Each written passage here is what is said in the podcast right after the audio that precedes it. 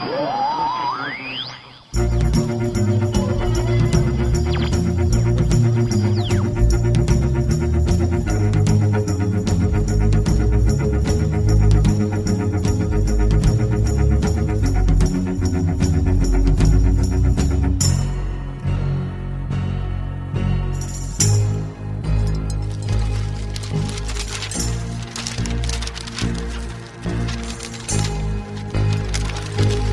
Açık Gazete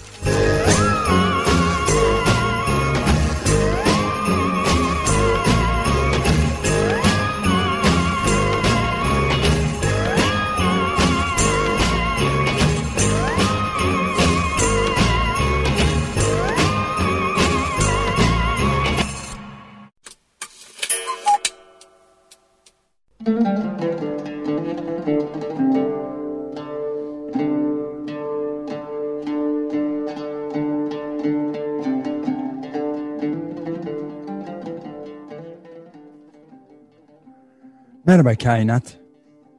Bugün 1 Haziran Salı. Yıl 2021, ay 6, gün 152, Hızır 27. 1442 Hicri, Şevval 20, 1437 Rumi, Mayıs 19. Gerede'de Aşık Dertli'yi anma günü. Günün malumatı, Haziran. Haziran ismi Süryanice'den alınmıştır. Bu aya Latinler Junius, Rumlar Ionios derler. Mecusilere yani ateşe tapanlara göre de bu ay kutsaldır. Günün dizesi. Birlikte güldüğün kimseyi unutabilirsin ama birlikte ağladığın birini asla unutamazsın. Halil Cibran Büyük Saatli Marif Takvimi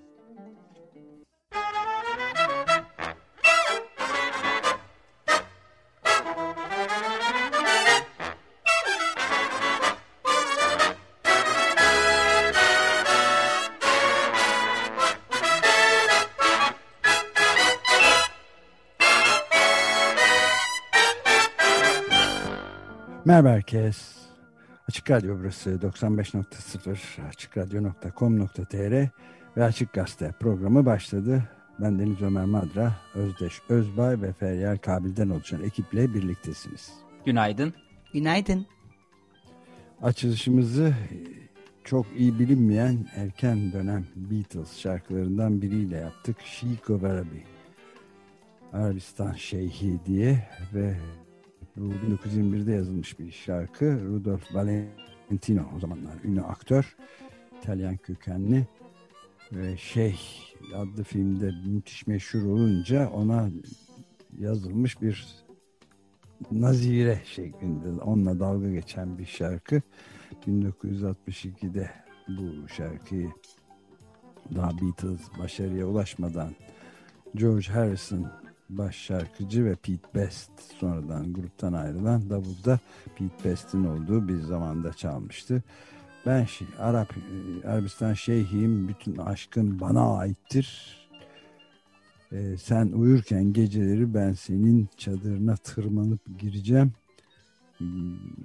Yatan şeyler gökteki yıldızlar parlayan bizim aşkımızı aydınlatacak. Aa sen bu dünyayı benimle birlikte yönetiyorsun ben Arabistan şeyhim diyor. Böyle gırgır bir şarkı. Biz de şimdi onu neden size açılışta sunduğumuzu anlatmak üzere Galeano'ya bakalım. Eduardo Galeano Hikaye Avcısı Türkçesi Süleyman Doğru Sel Yayıncılık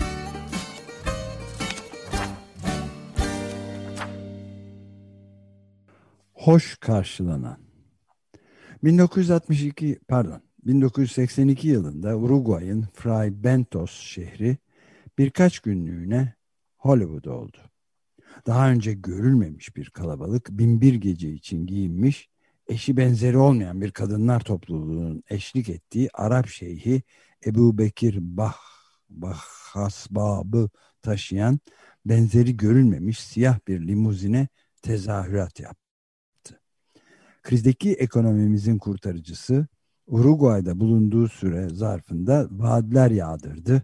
İnanılmaz yatırımlar, sürüyle yeni iş olanağı çok yüksek maaşlar ve birikimlerini göz açıp kapayıncaya kadar katlamak isteyenler için iştah açıcı faizler. Bunların cazibesine kimse dayanamadı. Ta ki şeyh bir gece beraberindekilerle birlikte sırra kadem basana kadar.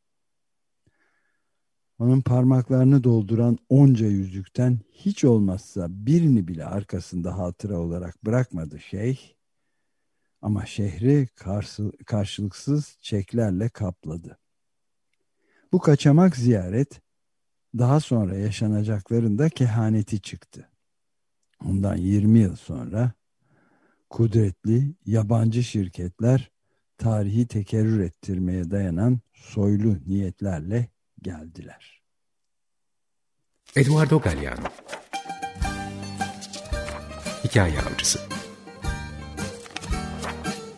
Türkçesi Süleyman Doğru Sel Yayıncılık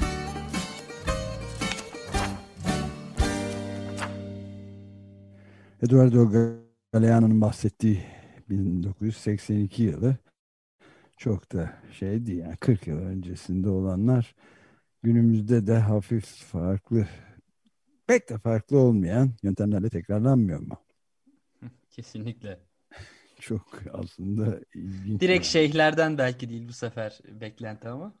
Yo şeyhler de var ortalıkta. Onlar da eksik. Katar, Orta Doğu, Birleşik Arap Emirlikleri, Sedat Peker oralardan bir yerlerden sesleniyor.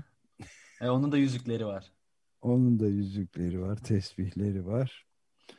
Rudolf Valentino gibi. Bir de zaten e, Kanal İstanbul ve diğer projelerde aslında Katar Şehliğinin, emirliğinin diyelim vaadleriyle kurulu harika bir binbir gece masalları dünyası biraz soygun da arada olabilir. Bakalım ne olacak göreceğiz hep beraber. Bugün zaten Marmara Denizi'ni bolca konuşacağız ama önce tarihte bugüne bakalım.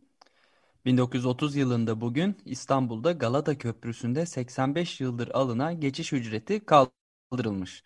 Köprü 1845'te açıldığında geçiş tarifesi yayalar için 5 para, hamallar için 10 para, yüklü arabalar için 5 kuruş, yüklü beygirler için 40 para, koyunlar için 3 para olarak belirlenmiş.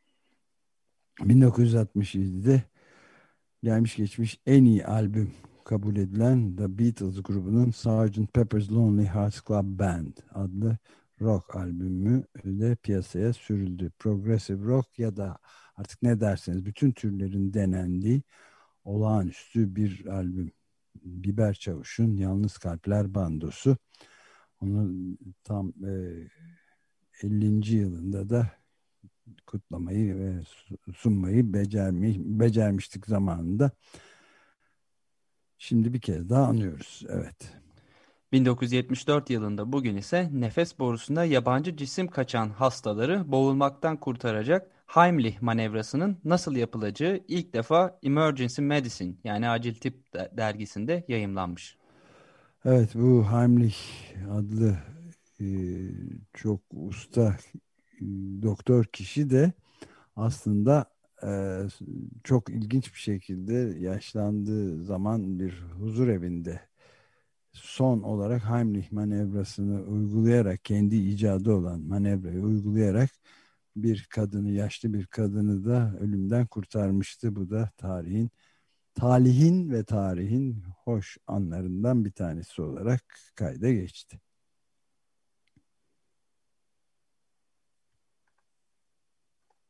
devamı. Evet. Sizdeydi o yüzden ha, ben söyledim bitirdim. Yani uzun boylu Peki. anlatmayayım diye. şey Peki tamam. 2013 yılında bugün ise Gezi direnişi sürüyor. Direnişin dördüncü günü olan 31 Mayıs Cuma günü iş çıkışı saatinden itibaren Taksim'e akan 10 binler 1 Haziran öğle saatlerinde polisin geri çekilmesiyle Gezi Parkı'na girdiler. Aynı gün Ankara'da Ethem Sarısülük polis tarafından başından vurularak ağır yaralandı. Sarısülük 14 Haziran 2013'te vefat edecekti. Evet, Gezi direnişinin de yıl dönümüydü. Dört gün önce. Açık gazete olmadığı için e, anma fırsatı bulamamıştık. Şimdi bunu söyleyebiliriz. Evet, şimdi günün haberlerine e, geçelim. Biraz önce de sözünü ettiğimiz gibi çok e, önemli bir sorunla karşı karşıya. E, şimdi öncelikle bir Türkiye dışından bir haber verelim. Dünyada da oldukça tatsız bir haberle başlayalım. Rebecca Radcliffe imzalı bir habere göre Yangon'dan Myanmar'ın başkentinden bildiriyor ve Bangkok'tan Filipinlerin başkentinden Guardian gazetesinde e, Myanmar'da bir sivil e, itaatsizlik gruplarına ek olarak silahlı sivil grupların da ortaya çıkmasıyla beraber bir iç savaştan korkulmaya başlandığı yolunda bir haber var. Yeni bir iç savaşa girmek üzere deniyor Myanmar'da ülkenin paralel hükümeti diye kurulan bir şeyde hükümetin sözcüsü açıklamış. Yani sürekli askeri şiddet karşısında biz de artık silahlı cevap vermek zorundayız. Başka şey kaybol, e, başka seçenek kalmadı. Bütün diğer seçenekler kayboldu demiş. Doktor Sasa diye Myanmar'ın Ulusal Birlik Hükümeti Hmm, yani Myanmar halkının başka bir seçeneği kalmadığını açıklamış. Ee, demokrasi yanlısı politikacılar tarafından kurulmuş Ulusal Birlik Hükümeti diye adlandırılan kuruluş. Yani sürekli tutuklamalar, askeri silahlı saldırılar, işkenceler ve cinayetler böyle sonunda silahlı yani silahların ele alınmasına yol açtı deniyor. Bu daha başlangıç demişler. Bakalım gelişmeleri takip edeceğiz ama tatsız bir olay olduğunu söyleyelim. Tabii geçtiğimiz haftalarda aslında bu çatışmalar başlamıştı. Evet. Ee, asker karakollarına saldırılar oluyordu. 150 kadar etnik grubun olduğu ve onlarca silahlı grubun olduğunu bir kez daha hatırlatmakta fayda var. E, bütün bu gruplar zaten darbeye karşı olduklarını söylemişlerdi ama e, silahsız bir şekilde sivil gösterileri destekliyorlardı. Grevler, gösteriler, e, işgaller bunları destekliyorlardı. Fakat e, katliamın e, dozu arttıkça, e, hapise, hapise daha çok aktivist girmeye başladıkça sivil hareket biraz zayıflamaya başladı. Bu sefer silahlı gruplar biz öne çıkıyoruz demişlerdi ve e, aslında o, e, oldukça çok sayıda geçtiğimiz haftada saldırılarda da bulundu. Ciddi çatışmalar yaşandı. Hatta sanırım Guardian'daydı 120 bin kadar kişi e, göç etmek zorunda kalmış bu evet. çatışmalar sebebiyle. Askeri operasyonlar tabii e, sebebiyle e, dolayısıyla bu noktaya gelmiş durumda Myanmar. Yani zaten Myanmar'da e, ya da eski adıyla Burma'da, Birmanya'da en büyük e, ordu var. Asya'nın, Güneydoğu Asya'nın en büyük ikinci ordusu var. 400 binden fazla silahlı personeli bulunan ve aşırı zalim olduğu belirtilen bir e, ordu darbeler yapıyor esas olarak da ülkenin e, dünyanın en büyük devletlerinden Çin ve Rusya tarafından da destekleniyor. Yani e, tam bir cehennemi durumdan bahsetmek e, mümkün. 800'den fazla en az 833 insan Şubat ayındaki askeri darbeden sonra öldürülmüş olduğu hesaplanıyor. Sayısız tutuklu ve işkence altında bulunduğu söylenen kişi de var. Yani son derece zalim bir ordu var. Terörize ediyorlar. Askeri, o hal var. Askeri olağanüstü hal ilanı da devam ediyor. Bakalım neler olacağını e, kaygıyla izlemeye ve size aktarmaya çalışacağız. Şimdi onun dışındaki şeylere bakalım. Türkiye'de de e, ve hatta bölgede de son derece kaygı verici bir başka gelişmede art arda yayınlanan raporlarla e, şeyin e, Marmara Denizi'nin hali konusunda yani sülaj denilen sülaj mı deniyordu? Bir müsilaj. Müsilaj evet. evet. Durumu e, çok e, ciddi deniz salyası da deniyor. Çeşitli açıklamalar var ama en önemlileri Marmara'da ekolojik bir felaketi e, zaten çoktan başlamış olduğunu ve artık durdurulmasının neredeyse imkansız hale getirildiğini, geldiğini söyleyen artı gerçekte bir artı birde yayınlanan çok kapsamlı bir söyleşiydi. Siren İdemen'le Anıl Olcan'ın birlikte Marmara Denizi'ni kaplayan deniz salyasının en çok izleyen ve bu konunun e, dünya çapında uzmanı olan Levent Artüz'de yaptıkları çok ayrıntılı mülakat vardı. Marmara Denizi'nin yani dünyanın en genç, en bereketli ve en ilginç denizlerinden Marmara'nın taammüden öldürüldüğünü e, anlatan bir söyleşiydi bu. Birkaç aydır da yoğunlaşıp gitgide yayılarak suyun yüzeyini ve derinlerini saran bu müsilaj denen ya da balıkçıların yerel balıkçıların deyişiyle deniz salyası ölümünün ilanı oldu deniyordu. Marmara Denizi'nin yok edilişinin tarihini, nedenlerini kahreden hakikati diye söylüyorlardı. Söyleşi yapanlar e, MAREM yani Marmara Environmental Monitoring Marmara Çevresel İzleme Projesi yürütücüsü hidrobiyolog Levent Artüz'le konuşmuşlardı. Yani e, şu, hatta Karadeniz'de de sız, sızdığı müsilajın ortaya çıktığı haberleri de vardı. E, neden ortaya çıkar sorusuyla başlayan çok kapsamlı bir şeydi. Levent Artüz durup dururken ortaya çıkmadığını, bu müsilaj agregat, agregat deniyor. Yani birikerek gelişiyor anladığım kadarıyla. Marmara'nın özgün yapısıyla inatlaşarak yapılan uygulamalarla direkt ilişkisi olduğunu yani Marmara Denizi'nin kirletilme tarihiyle de doğrudan bağlantılı olduğunu dünyanın en genç denizinin su kütlesinin çok genç olduğu üst ve alt akıntılarının günümüzdeki haline gelmesi yaklaşık 2000 sene öncesine dayanıyor diyordu. Ve diğer denizlerden ayıran başka farklılıklar da var. Denizlerde akıntılar dünyanın dönüşün itici gücüsü, gücün etkisiyle yani Coriolis deniyor onlara oluşuyor kuzey yarı saat yönünde, güney yarı ise saat yönünün tersine dairesel akıntılar oluştururken Marmara'da Karadeniz'in fazla gelen su bütçesini kontrol ettiği doğrusal akıntılar da vardır. İşte tarihine bakıldığında üst su kütlesiyle alt akıntıda yer alan canlıların farklılıklarından bahsediyor. Çok ayrıntılı bilgiler var. Yani tarifle anlatmak gerekirse oklava şeklinde bir tavuk yumurtası düşünün diyor.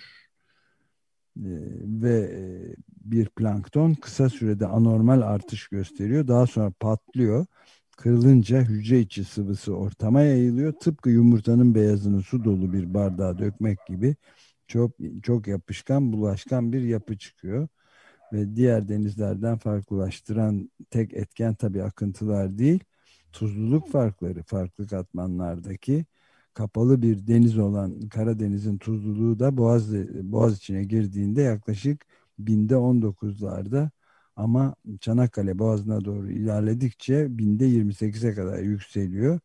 Böylece Boğaz girişinde Çanakkale Boğazı girişinde binde 39 İstanbul Boğazı'na doğru geldikçe kademeli olarak binde 33'lere düşen tuzluluk seviyelerine sahip. Bu da çok önemli farklar yaratıyor ve sonuç olarak Marem'in raporlarından Marmara'nın çukurlarının denizin ekolojisinde önemli bir rol oynadığı ve bu çukurların deniz sağlığına derinlemesine etki yaptığı da ortaya çıkıyor. Ve e, gün, e, müsilaj ilk defa 2007'de görülmüş Eylül ayında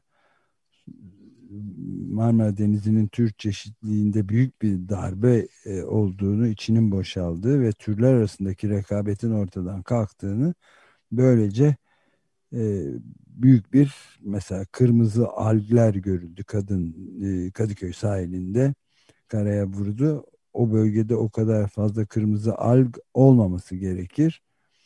Etrafındaki türler azaldığı için baskın hale gelmiş çoğalmışlardı Bunun nedeni de ne küresel ısınma ne de nitrat, fosfat gibi tuzların artışı. Tabii ki bunlar da etmendir diyor e, uzman ama ikincildir. Sebep olarak nitelememiz yanlış olur. Tek ve gerçek sebep tür çeşitliliğindeki azalışa bağlı olarak mevcut türlerin fert adetlerindeki artıştır diyor ki bunu da işte e, bu denizin dibine yapılan deşarj meselesi Evet, ortaya de- derin deşarj denilen yöntem. derin deşarj evet. İşte Senin orada de- da o Marmara'nın özel e, durumu kullanılıyordu. Yani akıntılar e, işte derine deşarja e, yaptığınız zaman arıtmadan e, İstanbul'un büyük oranda diyelim e, kanalizasyon atıkları derin deşarjı dibine aslında Marmara'nın dibine atılıyor. Özel bu deniz akıntısından dolayı Karadeniz'de Marmara e, Denizi arasındaki üste çıkmıyor. Dolayısıyla görmüyoruz. E görmeyince e, o zaman olabiliyor. evet çok e, ya Marmara'da Ama oksijen dipteki- miktarı evet dipteki hayatı e, bitirmiş. Şey ilginç e, bu sizin bahsettiğiniz yazıda şöyle söylüyor. E, 1989'da Marmara Denizi öldü. Bu tarihten önceki Marmara'ya yeniden kavuşmak mümkün değil artık demiş. Marmara Denizi yeni bir yol bulacak. Bu yolu açmakta yardımcı olursak belki kokmayan, simsiyah olmayan, iki çeşit de olsa balığı olan bir Marmara Denizi olmasını sağlayabiliriz. Ama eski Marmara'yı tamamen unutun. O gitti. diyor. Öldürüldü, dönmez demiş. Evet, son derece e, çarpıcı cümleler bunlar ve bunları söyleyen kişi de öyle sıradan birisi değil. E, ömrünü bunu incelemekle geçirmiş olduğu ve bunun mücadelesini yapmakla hatta örgütünün de kuruluşunda ve başında bulunarak devam ediyor. Yani e, oksijen miktarının yerlerde süründüğü Marmara Denizi'nde şu an müsilaj yüzünden daha da düşük olduğunu ve hiçbir şekilde bunun giderilemeyeceğini senin de belirttiğin gibi e, söylüyor. Yani İstanbul'a neoliberal müdahalelerin başladığı e, yıllar 1980'lerden sonrası yani zaten kendisi de söylüyor 1980 zaten hastaydı deniyordu değildi diyor. Ama bu hale 1989 sonrası getirildi. Daha doğrusu taammüden katledildi diyor derin deniz deşarjının her yerde yapıldığını Tekirdağ'da, Bursa'da, Kocaeli'nde, fabrikalarda, sanayilerde, kasabalarda, köylerde, tatil sitelerinde yani aklınıza gelebilecek her tesiste hep bu yöntem kullanılıyor. Yasal olduğu için de basarım alt akıntıya suyu deniyor. Bazı yerlerde 3-5 metrelik borularla derin deşarj bile diyemeyeceğimiz yöntemlerle 10-15 metre derinliğe veriliyor atıklar. Ve tabii şeyi de unutmamak lazım. Yani 25 milyon insanın çevresinde yaşadığı bayağı orta boy bir dünya ülkeleri arasında orta sıralarda yer alacak bir nüfusun e, hepsinin bu atıklarından bahsediyoruz. Evet. Ayrıca Ve plastik çoğun, çoğunlukla sadece fiziksel arıtma yapılıyor. Yani büyük parçacıkları e, topluyor, filtreliyorsunuz ve salıyorsunuz. Genelde büyük oranda arıtma tesisleri bu şekilde işliyor. Evet her türden kirlenme oluyor. Mikrobiyal de enfeksiyona neden olabilecek mikrobiyal kirlenme. Yani e, her yer pl- plajların çevresinde deşarj yapılıyor diyor. Suya girdiğinde bu girdiğinizde çok ciddi enfeksiyon kapabilirsiniz ama daha önemlisi var. Örneğin bir ortama çivi bıraktınız 100 sene sonra çiviyi bulamazsınız. Havanın oksijeniyle reaksiyona reaksiyona girer etki tepkiye e, paslanır ve yok olur. Hangi kirleticiyi atarsanız atın oksidasyon nedeniyle denizin oksijenini tüketir. Ama canlılar solunum yapamaz hale gelir. Bugün evlerimizde parlatıcılar, lavabo açıcılar gibi çok ciddi kimyasal maddeler kullanıyoruz. Koskoca bir megapolün, devasa bir şehrin ve Marmara Denizi'ni çevreleyen alandaki nüfusun atıklarından bahsediyoruz. Mikrobiyal kirlenmenin tabii ki payı var diyor ama Marmara'da çok ciddi bir kimyasal ve buna ek olarak plastik kirlenmesi var diyor. Bu da yeni bir bilgi. Ee, yani e, Levent Artüz'ün en azından e, çok sık kullanılan bir bilgi değil. Yani e,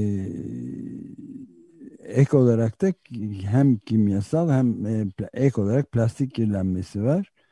Yani buna doğal bir ölüm de denebilir mi sorusunda da ölüm doğal bir olay. Hepimizin başına gelecek ama trafik kazasında ölüyorsanız bu doğal ölüm değildir. Müsilaj da o anlamda doğal bir olay değil. Doğal bir olay olsaydı Marmara'nın 2000 senelik oşinografik tarihinde buna mutlaka rastlardık. Halbuki Marmara'daki anomaliler 1989'dan itibaren başlıyor. Bunu biraz oturup düşünmek gerek diyor. Plastik ölçümünde de felaket bir durumdaymış. Zaten. Daha şu anda e, ilk etkileri yani canlı yaşam üzerindeki etkisi Erdek civarında gözüküyordu. Bu da herhalde akıntıyla ilgili olan bir durum. Orada balık ölümleri binlerce balık vuruldu, vurdu e, kıyıya deniyordu. Ee, en son dün hatta sanırım bir önceki gün çok çarpıcı bir video vardı.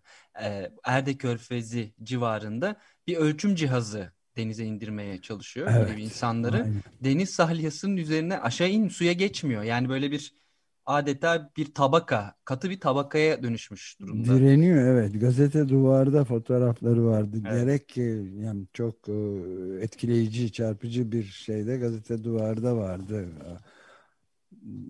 Evet yani bir ölçüm cihazı delip geçemiyor. Aşağı inemiyor yani. Erdek civarının ardından Profesör Doktor Mustafa Sarı e, demiş ki gazete duvarda yer alan haberde Marmara Denizi'nin canlı kalmasının bileşenleri kırmızı mercan yatakları da ölmeye başladı. Diyor. O da daha çok adalar civarında e, bulunan bu mercan yatakları burada da yani kaçınılmaz olarak tabii etkisini gösteriyormuş. Evet yani öncesi ve sonrası fotoğrafları yayınlanıyor. İnsan yani böyle Pasifik adaları ya da Avustralya açıklarındaki gibi bir durum ağarma e, bambaşka bir renk almış kırmızı mercanlar yani. Öncesi ve sonrası fotoğrafları da yayınlanıyor. Ve senin de dediğin müsilaja en çarpıcı görüntülerinde Erdek Körfezi'nden geldiği yani salya denen şeyin direndiği ve ölçüm cihazının su altına inmesine izin vermediği görülüyor yani tamamen hayat sanatı taklit ediyor. Bir bilim kurgu korku filmi gibi. Öte yandan da 42 e, belediyeden Marçep diye Marmara çevresinden ortak uyarı ve çağrı gelmiş. Ülkemizde yaşanan çevre katliamına canlı yaşamının tehdit altına sokulmasına ve gösterilen duyarsızlığa karşı bir an önce harekete geçelim diyorlar. Ve yine Türkiye'de çok acayip şey, haberler var yani.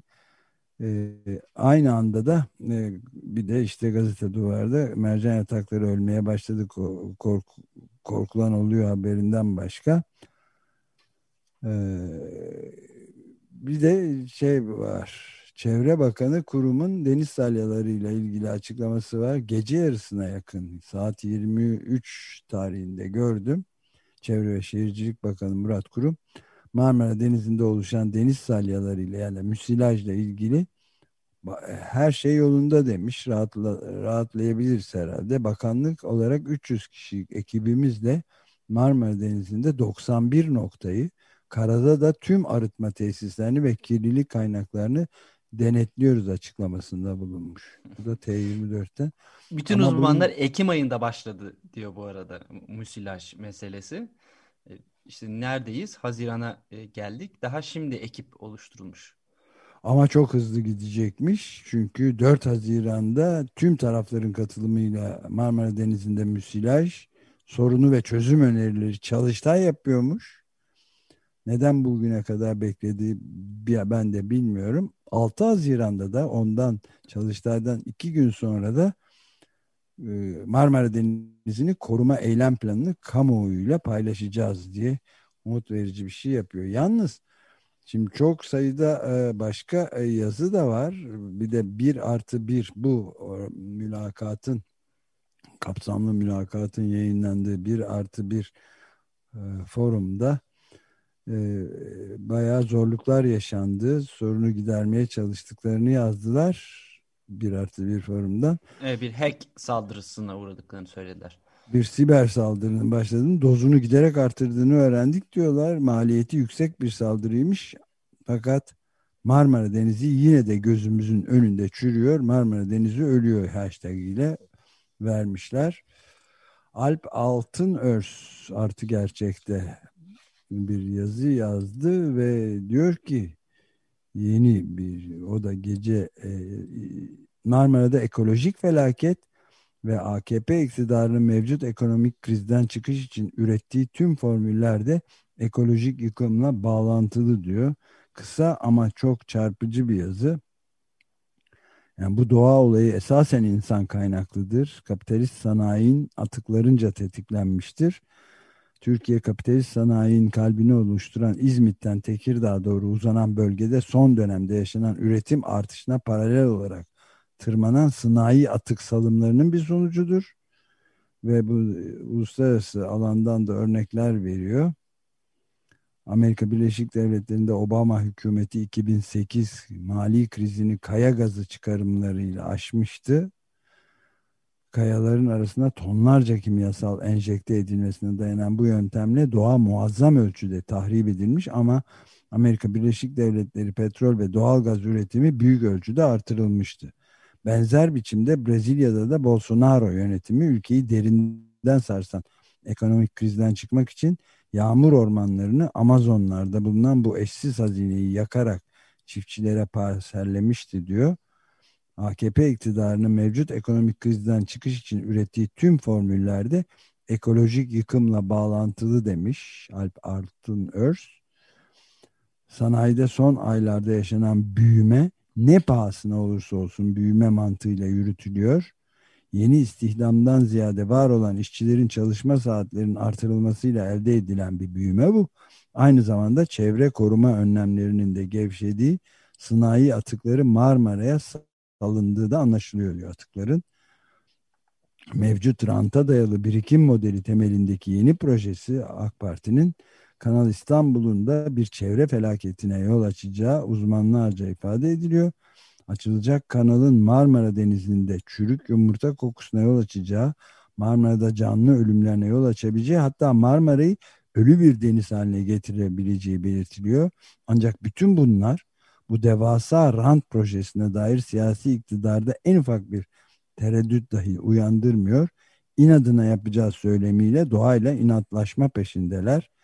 Kanal İstanbul'un büyük ölçeği yaratacağı kent rantı verilecek ihalelerle hem ekonomiyi canlandırması hem de AKP içinde son dönemde yaşanan rant kavgalarını dindirerek partiyi konsolide edeceği umuluyor diye önemli bir e, yazı bu kısa ama Haziran'da temelini atmayı hedefledikleri Kanal İstanbul'da kapitalizmin ekolojik yıkımının bir örneğini oluşturacaktır. Marmara'da deniz yüzeyini ve derinliklerini kaplayan müsilaj yaklaşan daha büyük ekolojik felaketlerinde bir habercisidir diyor. Ama buna karşı Pelin Cengiz de artı gerçekte aynı şeyi yazmış. Yani altıncı kitlesel yok oluşun nasıl ilerlediğini görmek isteyenler Marmara'ya bakmanız yeterli diyor. Dip akıntısıyla Karadeniz'e aktarılacağı düşünülen bu atık su yönetimi her şeye rağmen Marmara Denizi'nin dibinde büyük bir kirlilik birikimine sebep olmaktadır diyor. İki önemli sebep var. Kök sebep biri organik yük artıyor. İkincisi de sıcaklık bu canlıların üremesi için en elverişli seviyeye ulaşıyor diyor Cengin. Programcı arkadaşımız e, Pelin Cengiz. Ve Çevre Mühendisleri Odası İstanbul Şubesi'nin tespitlerini de ortaya koyuyor. Yani alarm zillerini alabildiğine çalan deniz salyası müsilaj sorununa dair tedbirler derhal hayata geçirilmelidir. Ama tabii e, mesela Bülent Şık da Biyanet'te yazmış. Çok sayıda evet. yazı çıkıyor. E, o da son derece çarpıcı tespitlerde bulunuyor değil mi? Mutfak evet o da o da İstanbul kolera salgınına hazır mı diye çok önemli bir şey aslında söylüyor. Bir vurgu yapıyor. Çünkü bu müsilajın bu şekilde devam edecek olması aslında bir kolera salgınını yeni bir salgın kapıda olabilir diye bir e, uyarı vermiş. Bunun yani insanlara e, etkisinde etkisi olmaması biraz zor tabii bu kadar büyük çaplı bir müsilajın. Her ne kadar deniyorsa da yani bunun neler nelere e, sebep olabileceğini öngöremiyoruz. Ama bu bir ihtimal çünkü koleraya sebep olan bakterilere de üremesi için muazzam bir fırsat sağlıyor e, diye eklemiş. E, evet ve çok yazısı. bulaşıcı olduğunu e, ve ilk 1817'den bu yana 200 yıllık bir tarihsel gözlemlerini sunuyor. Çevre ve insan ilişkisinin kopmasına en önemli etkilerden bir tanesinin kolera salgınları ve İstanbul'un bu çok bulaşıcı hastalığa, salgına, pandemiye hazır olup olmadığını soruyor.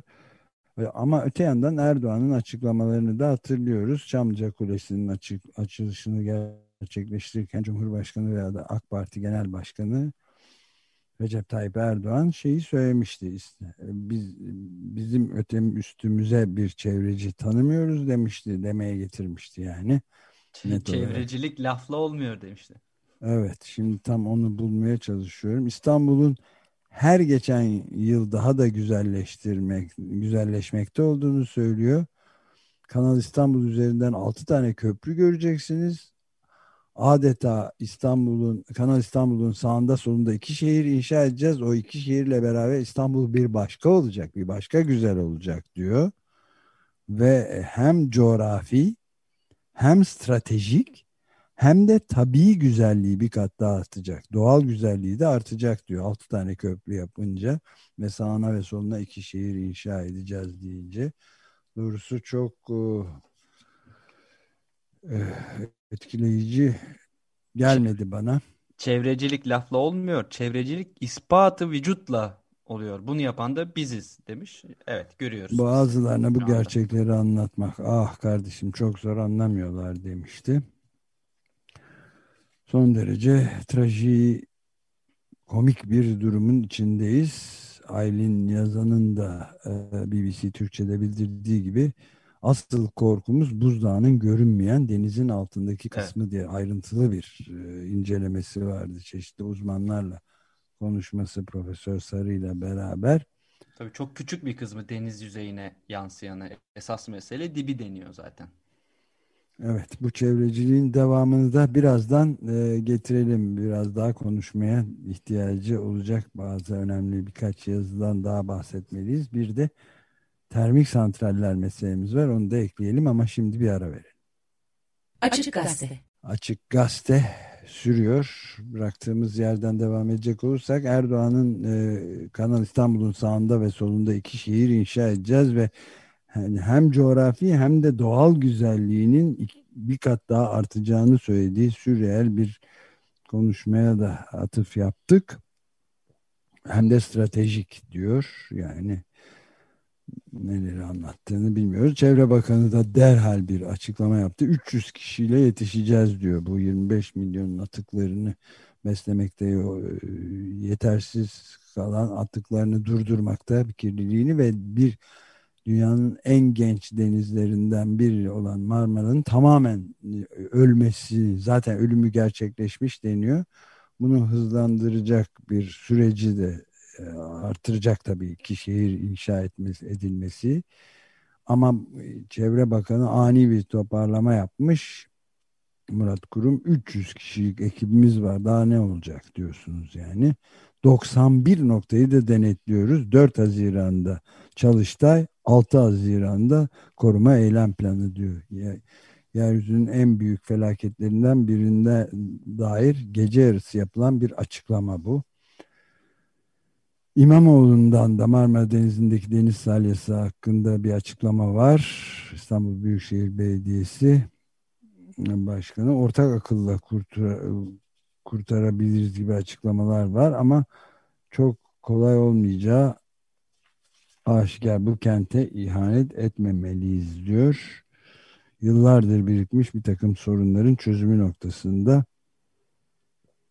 e, yani İstanbul Büyükşehir Belediyesi başta olmak üzere kıyısı olan belediyelerle ortak akılla çözmeliyiz diyor. Marmara Denizi pek oraya varılacağını gösteren fazla belirti olmadığını söylemek zorundayım ben. Bu şeyde cesedin çürümesidir diyen e, şey e, Levent Artüs Marem projesinin yürütücüsü hidrobiyolog e, yani kurtuluş yok diyor aslında. Değil mi? Net olarak bunu da söylüyor yani. Evet çünkü az evvel bahsettiğimiz gibi esas mesele sorunun büyük kısmı deniz tabanında ve oraya yapılabileceğiniz şeyler çok sınırlı gerçekten. Kazıyacak mısınız? Yani orada bir yandan hala bir şekilde bir yaşam da var. Büyükçe bir kısmı tehdit altında veya da yok olmuş olsa da e, yapabil üsttekini çünkü sıyırıp almak mümkün bu petrol sızıntılarında olduğu gibi. Ama esas kaynak aşağıdaki e, salyayı yaratan süreçler aşağıda gerçekleşiyor. Dolayısıyla çok zor bir durum. Evet çok zor bir durum ve net olarak bir bakışla e, toplumun doğayla ilişkisinin e, ve denizle bağlantısının nasıl sürdürüleceği konusundaki tereddütlerini de belirtiyor. Yani Marmara Denizi sadece bir su yolu olarak görülüyor. Toplumun denizle ilişkisinin kesilmesinin ki Beysun Gökçinçe açık deniz programlarında yıllardır bu kültürel bağlantı üzerinde ısrarla duruyor. Kültürel ve ideolojik nedenleri de var herhalde diye soruyorlar. Ee, mülakatı yapanlar, röportajı Siren İdemen ve Anıl Olcan. Ee, sivil toplum denizle ilgili nasıl talepler geliştirmeli sorusuna da e, şöyle cevap veriyor e, mikrobiyolog, hidrobiyolog affedersiniz e, Levent Artüz. E, belediye başkanlığı makamının Boğaziçi'nin ve denizin değerinin farkında olması lazım. Okullarda Marmara Denizi ile ilgili bir ders var mı? Dünyanın birçok kentinde doğa tarihi müzeleri var. İstanbul'da var mı? Biz hiç değilse bir Boğaziçi Müzesi yapabiliriz. O müzede çocuklar Marmara Denizi'nin akıntılarını tanıyabilir, canlılarını, jeolojisini tanıyabilir diyor. Yani müze dediğiniz sadece gezdiğiniz hayattan kopuk bir yerde olmamalı. Bir laboratuvar, kütüphane, araştırmaların yapıldığı bir yer olmalı. Müze canlı bir mekan olmalı diyor. Bizans'ta sikkelerin üzerinde balık figürleri var. Bir zamanlar İstanbul'un amblemi balıkmış diyor bir zamanlar Boğaz içinden bahseden şarkılar varmış. Kültürden Marmara Denizi silinmeye çalışılıyor. İstanbul'da çoğu yerde erguvan, ıhlamur gibi ağaçlar yok. Böyle bir ortamda insanın duyarlı olması nasıl beklenebilir diyor. Ve insanlar kendine bir tane bile İstanbul kelebeğinin adını biliyor muyum diye sormalı. Soyadında Bosforus olan bu bölgeye endemik böcekler var. Biliyor muyuz, tanıyor muyuz? Bu böceklerden biri Yıldız Parkı'nda yaşıyordu. Yıldız Park'ın her yerini çim yaptılar. Böceğin yaşayabilmesi için iki tane ağaç kütüğü bırakmadılar ki içlerine larvalarını bırakıp soyunu devam ettirsin. Mesela Beykoz civarındaki sarı asma kuşu bugün sarı asma kuşunun ötüşünü tek bir çocuk bile tanıyabilir mi? Boğaziçi ve çevresinin Marmara'nın balıklarını, deniz canlılarını tanıyor muyuz, tanıtıyor muyuz? Peki ne bekliyoruz diyor son sözünüz nedir sorusuna da çok kısaca bir cevap veriyor. E, hidrobiyolog Artüz ve şunu diyor. Yüzleşmek, yüzleşmek, yüzleşmek. Hem Marmara Denizi'nde hem de başka bölgelerde bilime aykırı işler yapmanın bizi getirdiği noktayı görmemiz gerekiyor diyor. Ama politikacılar gerek Erdoğan gerekse gerek Cumhurbaşkanı gerekse de Çevre Bakanı gece vakitleri yaptıkları açıklamalarla tam tersine büyümeden ve başka şeylerden e, bahsediyorlar. Ciddi e, sorunlar var. Yani Pelin Cengiz'in 6. büyük yani kitlesel yok oluşa gidişinde bir işareti saymasında da isabet payı e, yok diyemeyiz. Evet oradan da şeye geçelim. Gökçen Tuncer'in Independent Türkçe'de çıkan yazısına değil mi? Kapatıldıktan 6 ay sonra yeniden açılan 6 termik santralden bahsediyoruz. Evet, e, bu Türk Toraks Derneği'nden Greenpeace'e kadar sağlık ve doğa koruma alanında çalışan 16 kurumun bir araya gelmesiyle kurulan bu Temiz Hava Hakkı platformu 2020 raporunu e, yayınlamış. Bu raporda bahsettiğiniz 6 termik santral geçiyor ama bundan öte bir mevzu var. Avrupa'da en fazla hav hava kirliliğine neden olan santraller bu 6 termik santral ama daha fazlası da var Türkiye'de bu rekor kirlilik oranlarına e, sahip olan. Bunu e, buna yer vermişler raporlarında. Dünya Sağlık Örgütü kılavuz değerine indirilseydi 2019 yılında tüm ölümlerin hava kirliliği kaynaklı ölümlerin %7,9'u yani 31.476'sı önlenebilirdi e, de, demişler. Bu da koronavirüsten hayatını kaybedenlerden daha yüksek bir e, sayı diyorlar. Evet yani kapatıldıktan 6 ay sonra yeniden açılması tabii akıl durdurucu bir şey. e, ve yani en fazla Avrupa'daki en fazla kirleten santraller arasında. Yani bir de o kadar e, o kadar kirli bir taktik uygulamıştı ki bu termik santraller. Tamam madem bize izin vermiyorsanız deyip kapatmışlardı ve işçilerini işsiz bırakmışlardı. Dolayısıyla bir yandan böyle bir sosyal krize sebep oldular. Daha sonra evet. evet aynen bu sebeple daha sonra da açıldılar özel bir izinle. Evet sülfür dioksit kirliliğinde Türkiye'nin OECD yani gelişmiş ülkeler arasında birinci oldu. Azot oksitte de en yüksek salımlı santralin yatağın termik santrallerin termik santrali oldu ve bu termik santraller konusundaki en riskli iki ülkenin birinin Ukrayna, birinin de Türkiye olduğu açıklanmış. Tüyler ürpertici açıklamalar bunlar yani. Ee, öte yandan da şeyi de hemen söylemek lazım. İklim Haber sitesinde kömürün, bunlar hep kömür santrallerinden bahsediyoruz. Dünyanın en kirletici santralleri. E, kömürün temiz, ekonomik ve yerli ve milli olduğu argümanlarını çürüten bir site yayına geç, geçti. Onun da adını verelim. Korum, kömür masalları. Komur masalları nokta com. Yani temiz değil, ucuz değil, alternatif değil, yerli değil ve milli değil. E, ama devam ediyor. Bunu da Bulut Bagatır gönderdi e, mecralara. İkizdere'de de devam ediyor eylemler. Islıklı eylem yapıldı köylüler tarafından. Valilikçe de eylem yasağı uzatılmış. Bu da pandemiye dair bir şey. Yok riskler henüz ortadan kalkmadı diyorlar da bahsettikleri terör riski. Bu arada çok ha, acayip, çok, çok evet. acayip bir durum.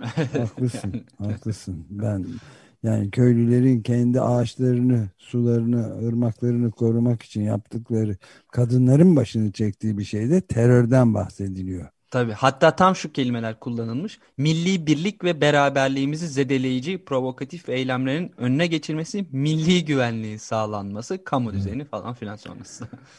Evet yani akıl hayal almayacak şeyler, gelişmeler oluyor. Kendimi tamamen bir science fiction yani bir bilim kurgu filminin içinde gibi hissediyorum. İnşallah dinleyicilere de fazla ürküntü verici sada vermiyoruzdur.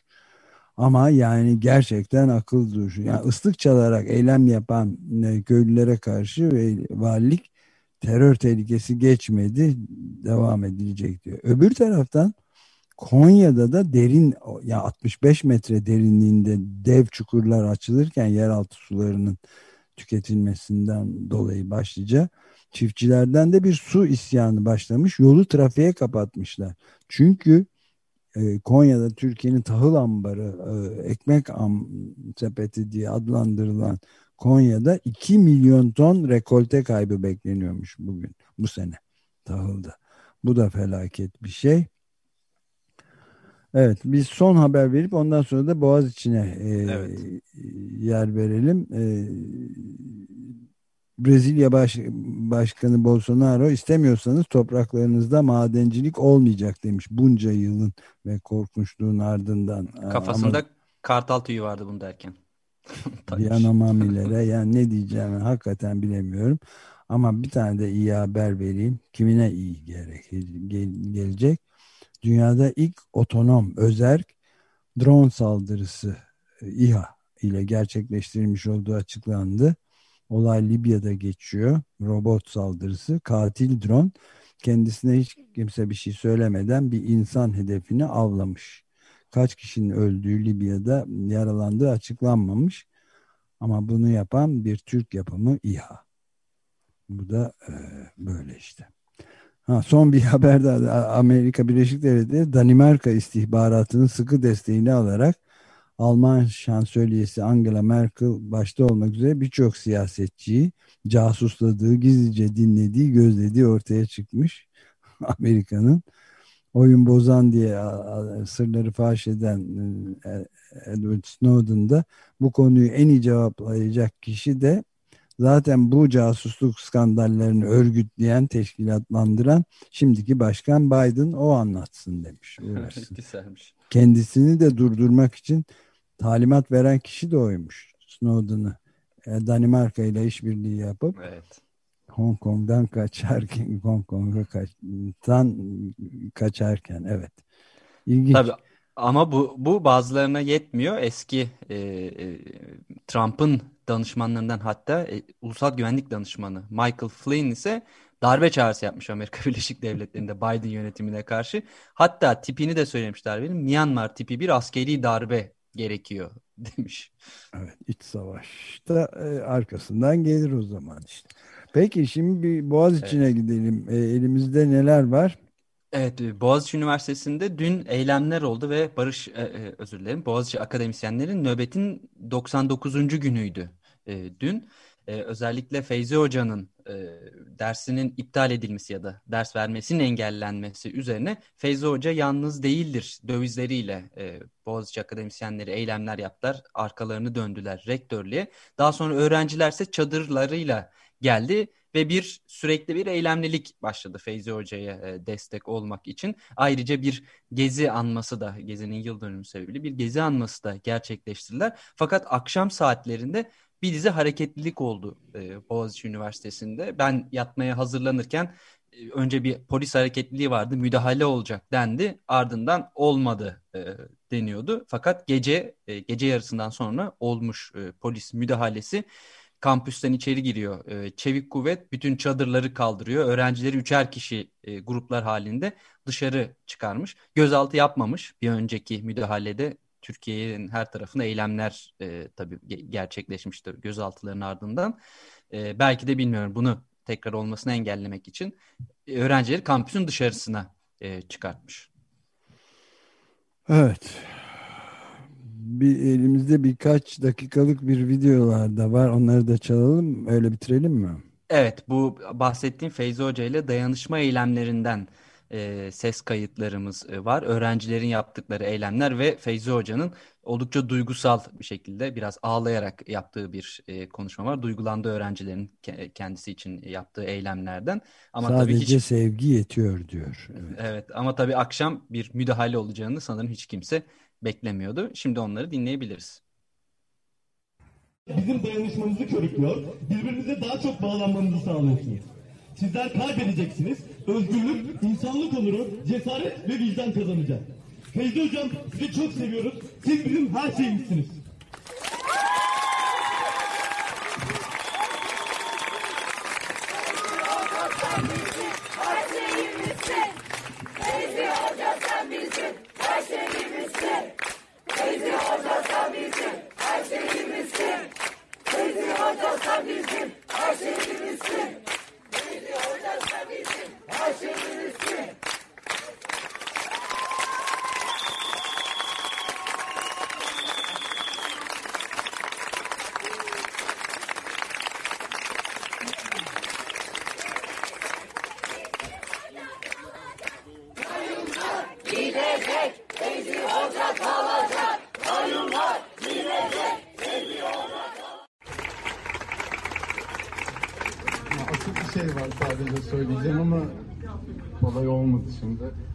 Ben okulda yaptığım her şeyi sizi çok severek yaptım.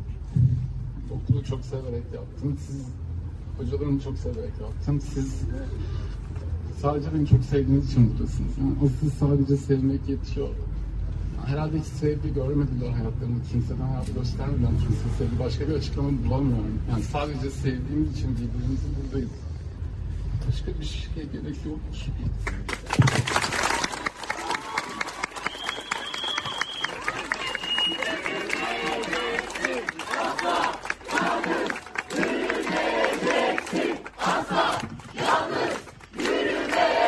kavga aynı kavga. Gezi geçmişimiz değil geleceğimizdir. Yoklama alıyoruz. Mehmet Ayvalıtaş. Burada. Abdullah Cömert. Burada. Ethem Sarısülük. Burada. Medeni Yıldırım. Burada. Ali İsmail Korkmaz. Burada. Ahmet Atakan. Burada. Berkin Elvan. Burada.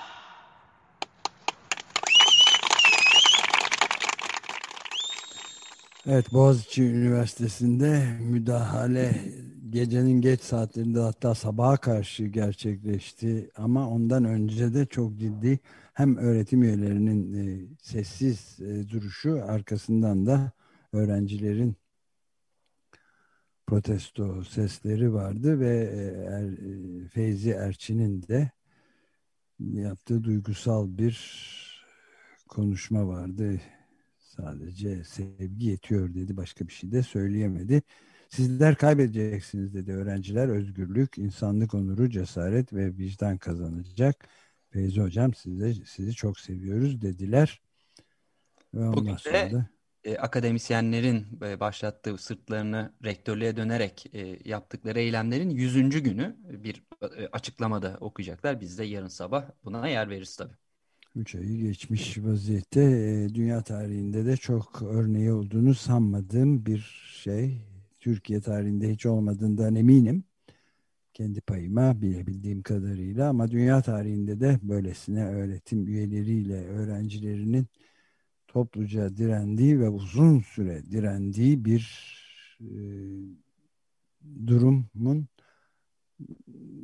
hatırlamıyorum belki Paris'te 68 o Paris'inde filan bir de Berkeley Üniversitesi'nde 68'li yıllarda ama benzersiz bir e, direniş örneğine tanık oluyoruz ve devam edeceğine de e, besbelli görünüyor. Biz de size aktarmaya çalışacağız.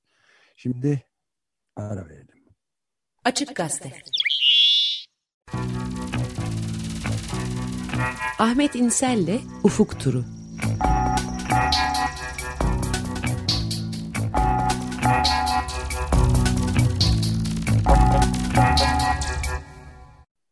Günaydın Ahmet, merhabalar. Günaydın, günaydın. Günaydın. Ufuk turunda öncelikle e, Güney Kıbrıs'taki seçimlerle mi başlayalım? Evet, pazar günü e, Kıbrıs Cumhuriyeti'nde seçimler yapıldı e, ve parlamento seçimleri. Biliyorsunuz orası parlamentonun seçimlerinin önde olduğu bir yer. Yani başkanlık seçimi de var tabii 2023'te olacak ama parlamento önemli çünkü e, büyük bir e, olasılıkla e, meclis başkanı seçilen kişi daha sonra Cumhurbaşkanlığına aday oluyor. Dolayısıyla parlamentonun içinde oluşacak e, çoğunluk, meclis başkanını oluşturacak olan çoğunluk e, önümüzdeki seçimlerde e, ki e, adaylardan birini Cumhurbaşkanı adaylarından birini belirleyecek. e, bu seçimlerde e, üç e, büyük parti, e, Kıbrıs Cumhuriyeti'nin, Güney Kıbrıs'ın üç büyük partisi, yani DİSİ, Demokratik Seferberlik Partisi, e, AKEL, çalışanların, e, çalışan halkın e, ilerici partisi ve e, Demokratik Parti, DİKO, Üçü de e, üçer puan e, oy oranı itibariyle üçer puan e, kaybettiler.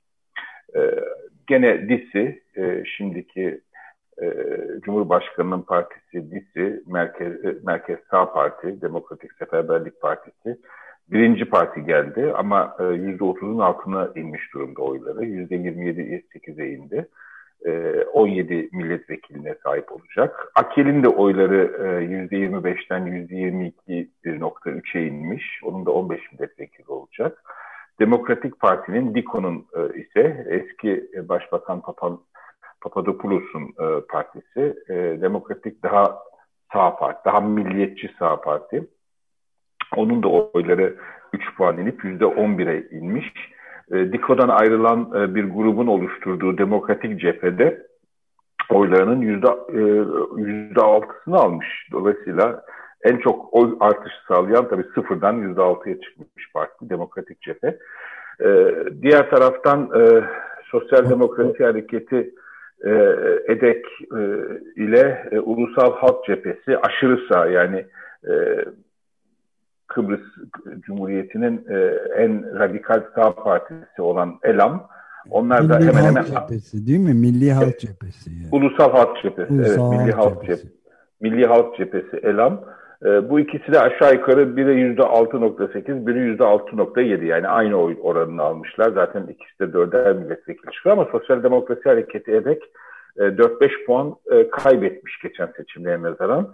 Bir de parlamentoya giren yedinci parti e, Kıbrıs e, Yeşiller Partisi. O da oyların %4,4'ünü alarak parlamentoda 3 milletvekiline sahip oldu. Bu Kıbrıs Yeşiller Partisi biliyorsunuz e, sağcı bir parti aynı zamanda, milliyetçi bir parti aynı zamanda. Eski liderinden daha yeni liderinin daha yeşillerin e, sosyal demokrat çizgisine e, daha yakın olduğunu söylüyorlar. Yani bu Kıbrıs Yeşiller Partisi e, Avrupa Yeşiller Partisi içinde bir istisna oluşturur bildiğim kadarıyla Avusturya Yeşiller Partisi ile beraber e, böyle bayağı milliyetçi sağ e, çizgisi nedeniyle.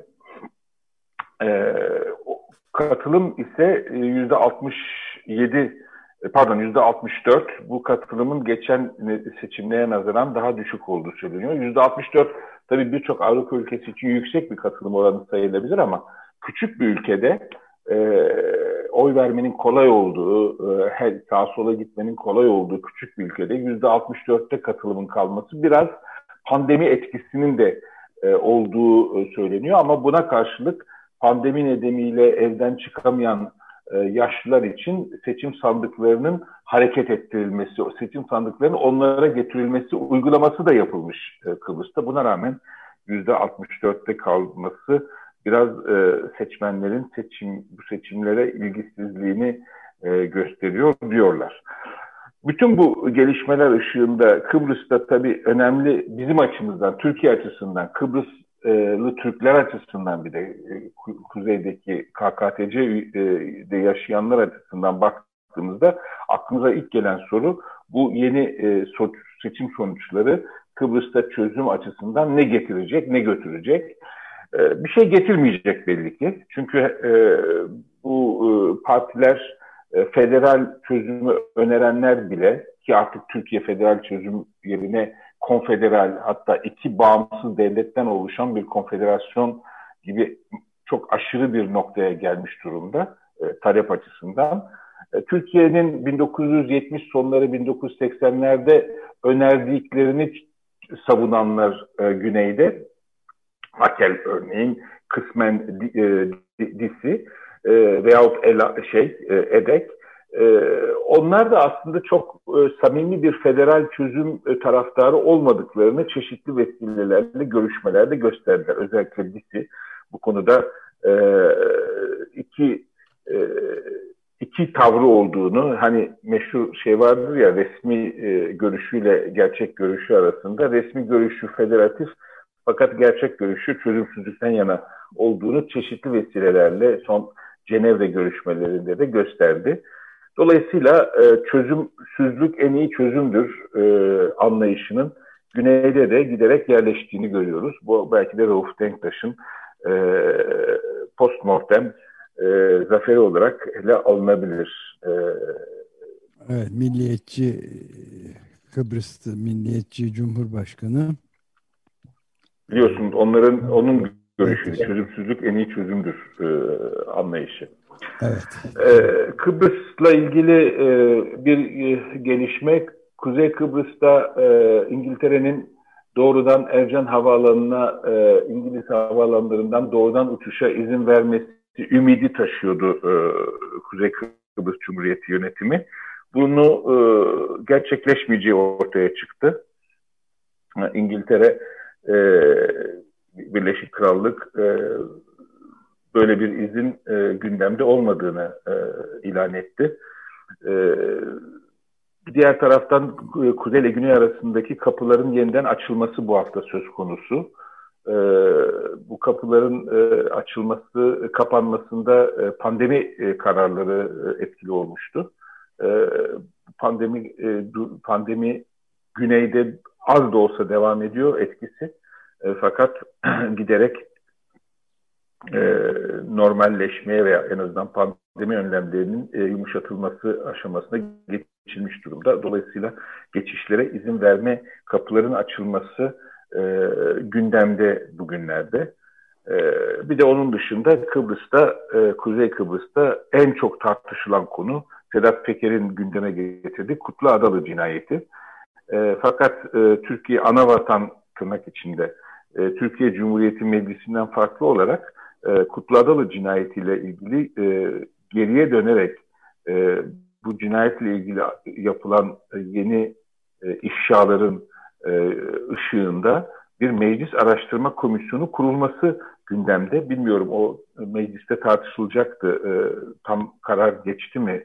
Ama Türkiye tarafında MHP, AKP hükümeti bariz, açık, tamamen e, ayan beyan olmuş e, sorun, e, yolsuzluk, e, kanunsuzluk konularında meclis araştırma e, önergelerini fütursuz biçimde reddederken e, KKTC'de e, Kutlu Adalı cinayetiyle meclis soruşturması açılması hani yavru vatanın Türkiye'den birçok bakımdan demokrasi açısından hala daha ileride olduğunu da bir göstergesi olacak elbette.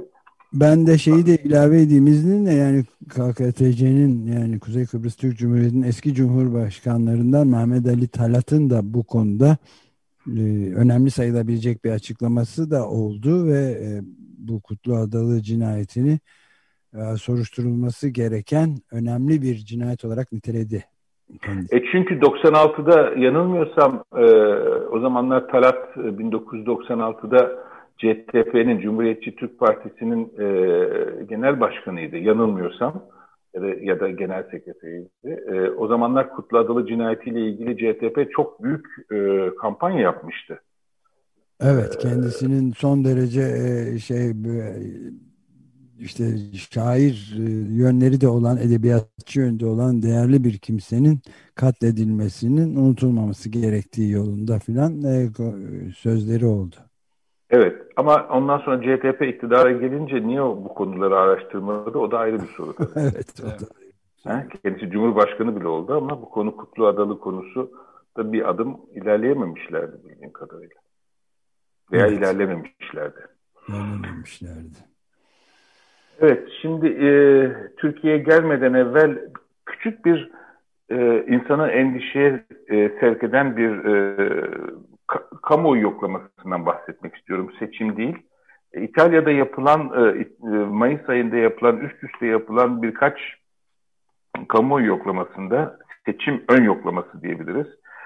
E, İtalya'nın Neofaşist Partisi, yani İtalya'nın Kardeşleri Partisi, Fratelli d'Italia, e, deneklerin e, yüzde yirmi civarında oy vereceğini belirttiği parti haline gelmiş durumda. Yüzde yirmi. Yani bu öyle mi? Yani bu, bu, bu otantik neofaşist partidir. Yani şey falan gibi Berlusconi'nin partisi veya Kuzey Birliği, Lega e, gibi e, faşizan veyahut sağ otoriter bir parti değil. Mussolini e, yönetimini kutsayan başında da veya şu anda yönetiminde mi bilmiyorum ama e, önde gelen liderlerinden bir tanesi Mussolini'nin torunu olan bir partidir evet. bu. Ya adıyla sanıyla faşist ve Mussolini. E, evet evet yani bu, bu, bu tür partilere neofaşist partiler diyoruz. Yani faşist Hı. geleneği devam ettiren partiler. Ve yüzde yirmi oy alma potansiyeli taşımış taşıma aşamasına gelmiş durumda. Ve bu dehşetengiz bir şey tabii. Ee, evet. Bu hakikaten dehşetengiz bir şey. İtalya e, açısından e, hakikaten insan... İtalya'da şöyle bir sorun var biliyorsunuz. İtalya'daki gelişmeler Avrupa'nın diğer ülkelerinde olan gelişmelerin öncelidir. Berlusconi'nin ortaya çıkışı 1996'da 97'de e, gerçi 92'den itibaren ortaya çıkıyor. 92'den itibaren Berlusconi'nin ortaya çıkışı bir dizi benzer e, iş adamı siyasetçinin e, milyarder siyasetçinin e, siyasette ön plana gelmesi, otoriter, milliyetçi e, devlet kurumlarına karşı ben merkezli, şahıs merkezli iktidar anlayışını gündeme getiren e, bir e, zihniyetin e, öncüsüydü. E, ve onun benzerleri sonra ta Donald Trump'a kadar e, izini sürebiliriz. Bu bakımdan da son derece endişe verici tabii.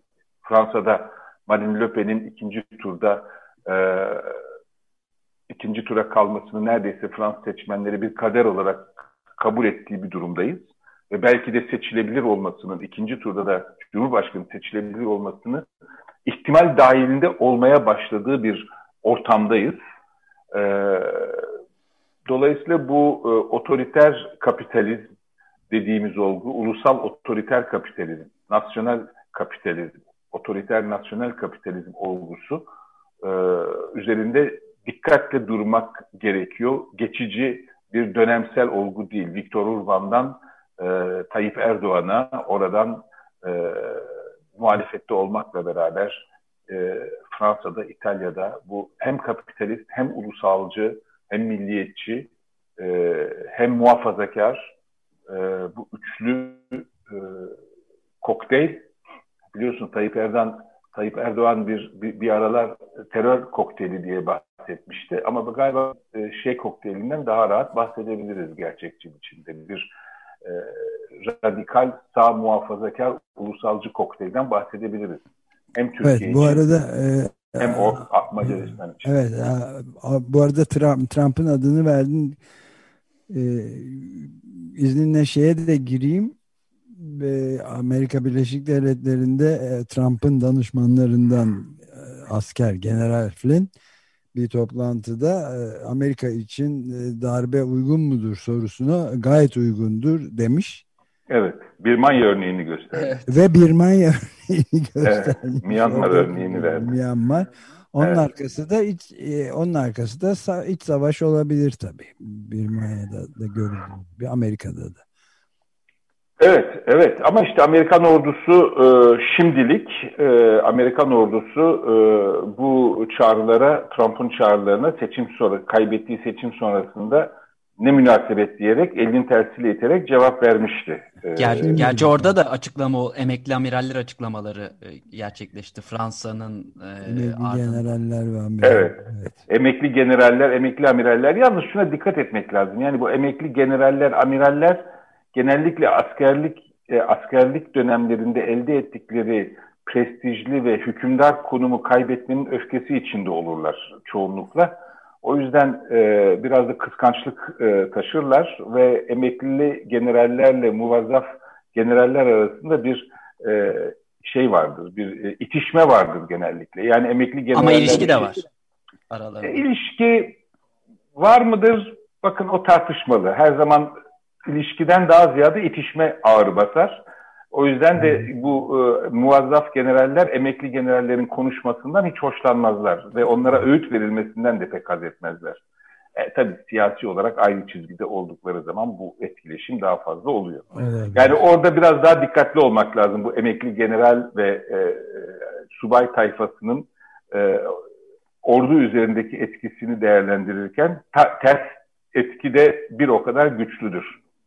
Bu Evet. biliyorsunuz bu aynı şey e, kurumlarda da geçerlidir. Yani emekli olanların kurumla ilgili konuşma konuşmaları e, kurumda çalışanlar tarafından pek hoş karşılanmaz. Hatta bunu Aziz Nesin'in hikayelerinden de biliriz. Emekli olup da hala emekli olduğunun farkında varmayıp her sabah iş yerine gelen memur e, tipolojisinden. Evet, bir de bu e, eş dost ahbap kapitalizmi. Evet, şimdi bu bu ulusal e, ulusal kapitalizm e, veyahut e, otoriter ulusal kapitalizmin özelliklerinden bir tanesi de e, birkaç tanesi özellikle bir kere kapitalizm olması. Yani bu e, kapitalizmin pazar ekonomisinin e, büyük ölçüde e, mekanizmalarını e, iyi kötü ve neoliberal anlayışa yakın biçimde e, çalıştırması. E, diğer taraftan bir e, kişi, şahıs, şahsım, Türkiye'de buna açıkça dile getirildiğine göre söyleyebiliriz. Şahsım, parti ve devlet bütünleşmesi. Bu son derece önemli. Yani neredeyse totaliter bir yapıya da eğilme potansiyeli taşıyor. Totaliter olduğunu söyleyemeyiz ama eğilme potansiyeli taşıyor. Şahsım, parti ve devletin şahsımda bütünleştiği bir e, bir, bir, bir e, model. Kuvvetler ayrılığının tabii yürürlükten kaldırılması ve bu bütünleşme ve kuvvetler ayrılığının yürürlükten kaldırılması çok çok fazla aşırı bir e, güç yoğunlaşmasının e, yanında bir karar merkezi yoğunlaşması ve dolayısıyla çok çok ciddi ama yani e, ölçülebilir olmaktan da öteye büyüklükte bir etkin karar alma kaybı e, gündeme getiriyor. Bunu Tayyip Erdoğan hızlı karar alma, etkin karar alma adı altında biz başkanlık sistemi geçiriyoruz dediğinde aslında e, tam tersine etkin karar alamama, karar et, e, güçlü karar alma hayali içinde etkin karar alamama mekanizmasını gündeme getirdi. Bu, bu büyüklükte ve karmaşıklıktaki bir iktisadi, siyasi, sosyal yapının tek merkezden, tek elden bir e, dar bir çevre tarafından bütün konularda e, yönetilmesi, kararların hepsinin oraya gelmesi demek kararların bir kere son derece etkin, e, ger- gerçeklerden, yerel gerçeklerden uzak, etkinlik kaybının da son derece yüksek olması demek. Çünkü bütün demokratik kurumların önemli özelliklerinden bir tanesi kararların biraz yavaş çıkması pahasına kararların yanlış çıkmasının engellenmesidir. Ve düzeltilme imkanlarının da bir o kadar kurumların e, denetleme mekanizmalarıyla gündemde kalabilmesi meselesidir. E, hızlı karar almak, çabuk karar almak e, adına telafisi mümkün olmayan hatalar içeren yanlış kararlar almak konusunda Türkiye özel bir e, başarı e, gösterdiğini iktisadi konuda görüyoruz. Yani 1990'ların e, iktisadi şoklarından farklı olarak 1990'larda iktisadın kendi dinamikleri içinden gelen krizler vardı. E, ve o siyasete yansırdı. Siyasi krizlere yol açardı. E, 2010'larda ise e, iktisat daha makro anlamda daha sağlam bir yapıya sahipken kapitalist ekonomi, piyasa ekonomisi açısından daha sağlam bir yapıya sahipken siyasi kararlar, siyasi şok nedeniyle iktisadi kriz e, daha derinleşmiş durumda Türkiye'de. Yani iktisadi krizin kendi içinden gelen nedenleri var ama onun üzerine bir de siyasi e, kararlar, siyasi durum nedeniyle iktisadın daha da krize girmesi nedeni e, ilave oluyor. Bu da bu şahsım, parti ve devlet bütünleşmesi e, yönetiminin e, başarısızlığının ve e, e, kötü yönetiminin en açık göstergesi. Tabii bu diğer taraftan bir e, ikinci e, ikinci bir e, sonuca ortaya çıkartıyor. E, devlet kurumları bazen demokratik olmayan veya az demokratik olan otoriter devlet kurumları, devlet gelenekleri içinde devlet kurumları e, çeşitli mücadelelerini, kendileri açısından meşhur gördükleri çeşitli mücadelelerini e, organize çeteler vasıtasıyla yürütürler. Bunun ileri aşamaları mafya ile devlet kurumlarının neredeyse iç içe geçtiği İtalya'ydı. Biliyorsunuz bu temiz eller operasyonu 92 öncesi İtalya'sıydı. Türkiye'de 90'larda bu devletin çeteleri kullanarak e, Kürt sorununda e, bir e, e, bastırma ve sindirme operasyonunu yürütmesinin sonuçlarını biliyoruz. Bu devletin çeteleri kullanması tabii aynı zamanda çetelerin e, çeşitli yolsuzluklarının devlet katmanları içine, yönetim katmanları, devlet derken bunu belediyelere kadar indirmemiz lazım. Sırf devlet demeyelim. Yani kamu yönetimine sızmasına yol aç, açar. Her yerde olduğu gibi. Ama bu daha çok kamu yönetiminin çeteleri kullanması, çetelerin de kamu yönetimini kendisini kullanmasından nemalanması şeklinde gelişir. Ama bu son e, 4-5 yıldan beri yaşadığımız çok büyük Erdoğanizmin ana e, politikalarından biri olan kurumsa, kurumsuzlaştırma, ona hatta e, kurum kırımı politikası diyebiliriz.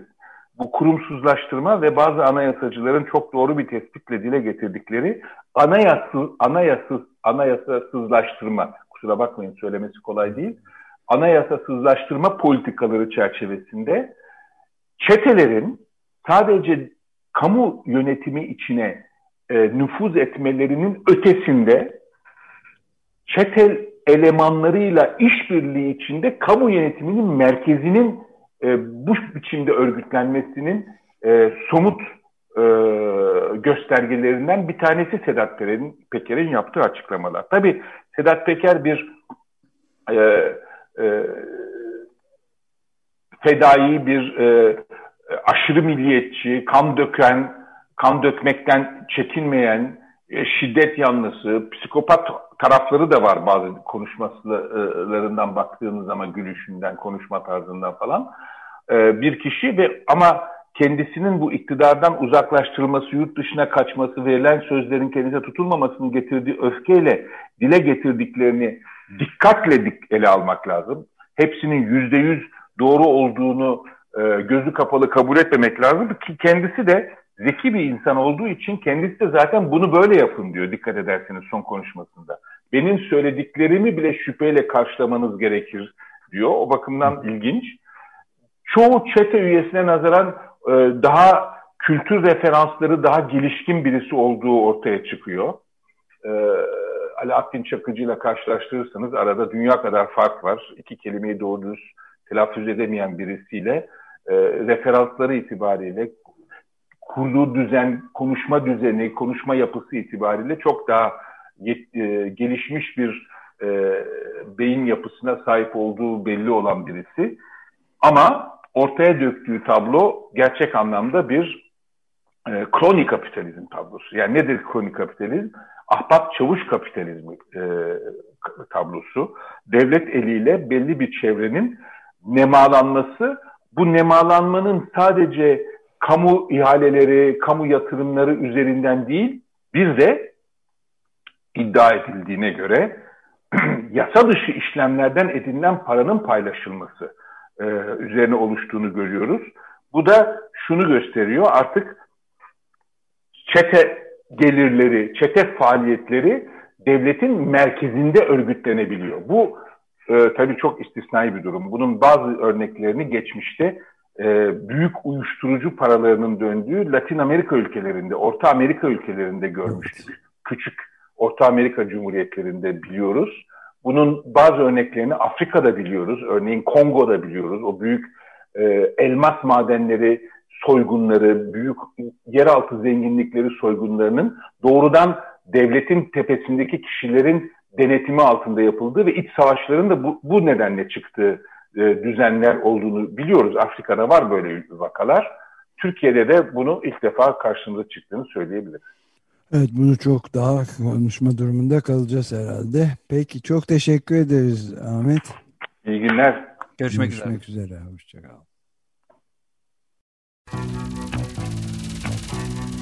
Ahmet İnsel'le Ufuk Turu.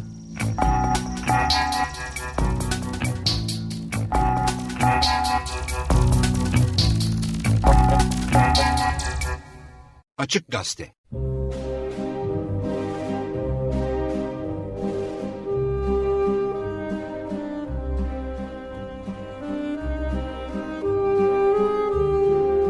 Açık Bilinç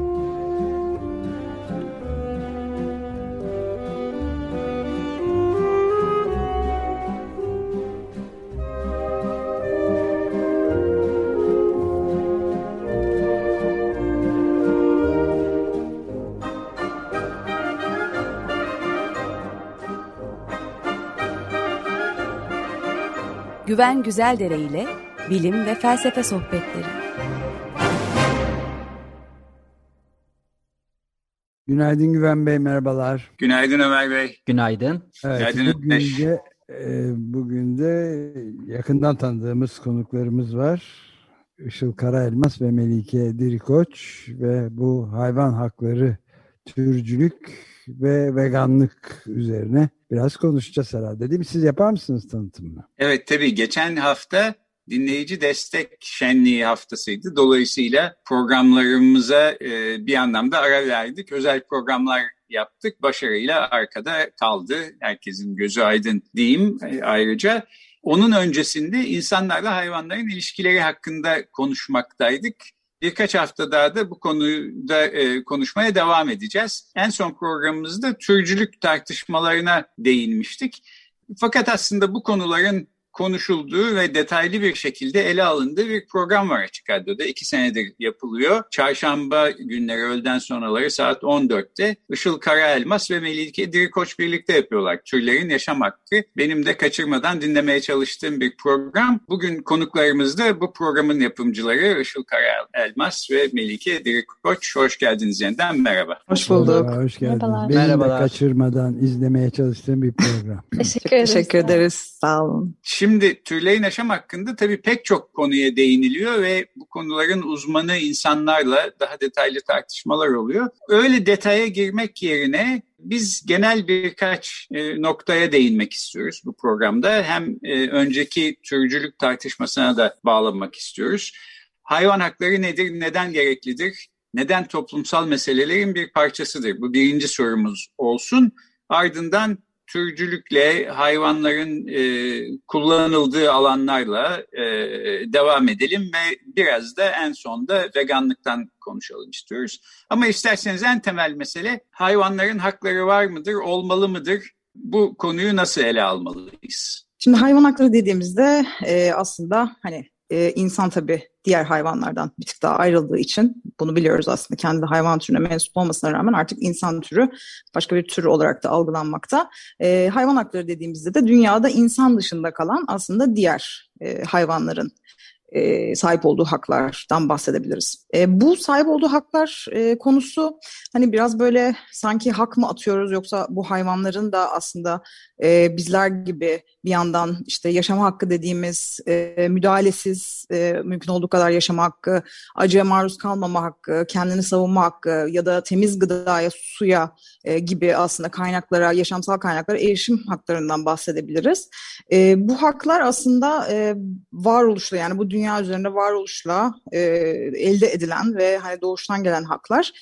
Burada belki birazcık hani kafaları karıştıran şey e, insanlar gibi hayvanların hakları yoktur e, ya da hani olmamalıdır e, noktasında. Belki de hani hayvanların e, çıkarları neler ya da niyetleri istekleri neler? Bizler gibi örneğin işte e, siyasi bir düzlemde oy vermek gibi bir e, çıkarları ya da niyetleri var mı? Ya da örneğin e, sinemaya gitmek gibi bir çıkarları niyetleri var mı gibi aslında bir e, düşünce e, ya da bir soruyu kendimize sorabiliriz. E, baktığımız zaman e, insanın bütün e, sahip olması gerektiği şu anda düşünülen haklar, e, da, bütün hayvanlar sahip olması gerekmeyebilir. Çünkü bu anlamda dediğim gibi çıkarları olmayabilir. E, ama sahip olmaları e, konusunda çıkarları olduğu alanlar, biraz önce bahsettiğim bu e, acı çekmeme, yaşam hakları ve yaşamlarını kendi bildikleri gibi olabildiğince sürdürebilme hakları. Aslında temelde e, hayvan hakları derken, derken biraz bunlardan bahsediyoruz. E, ikinci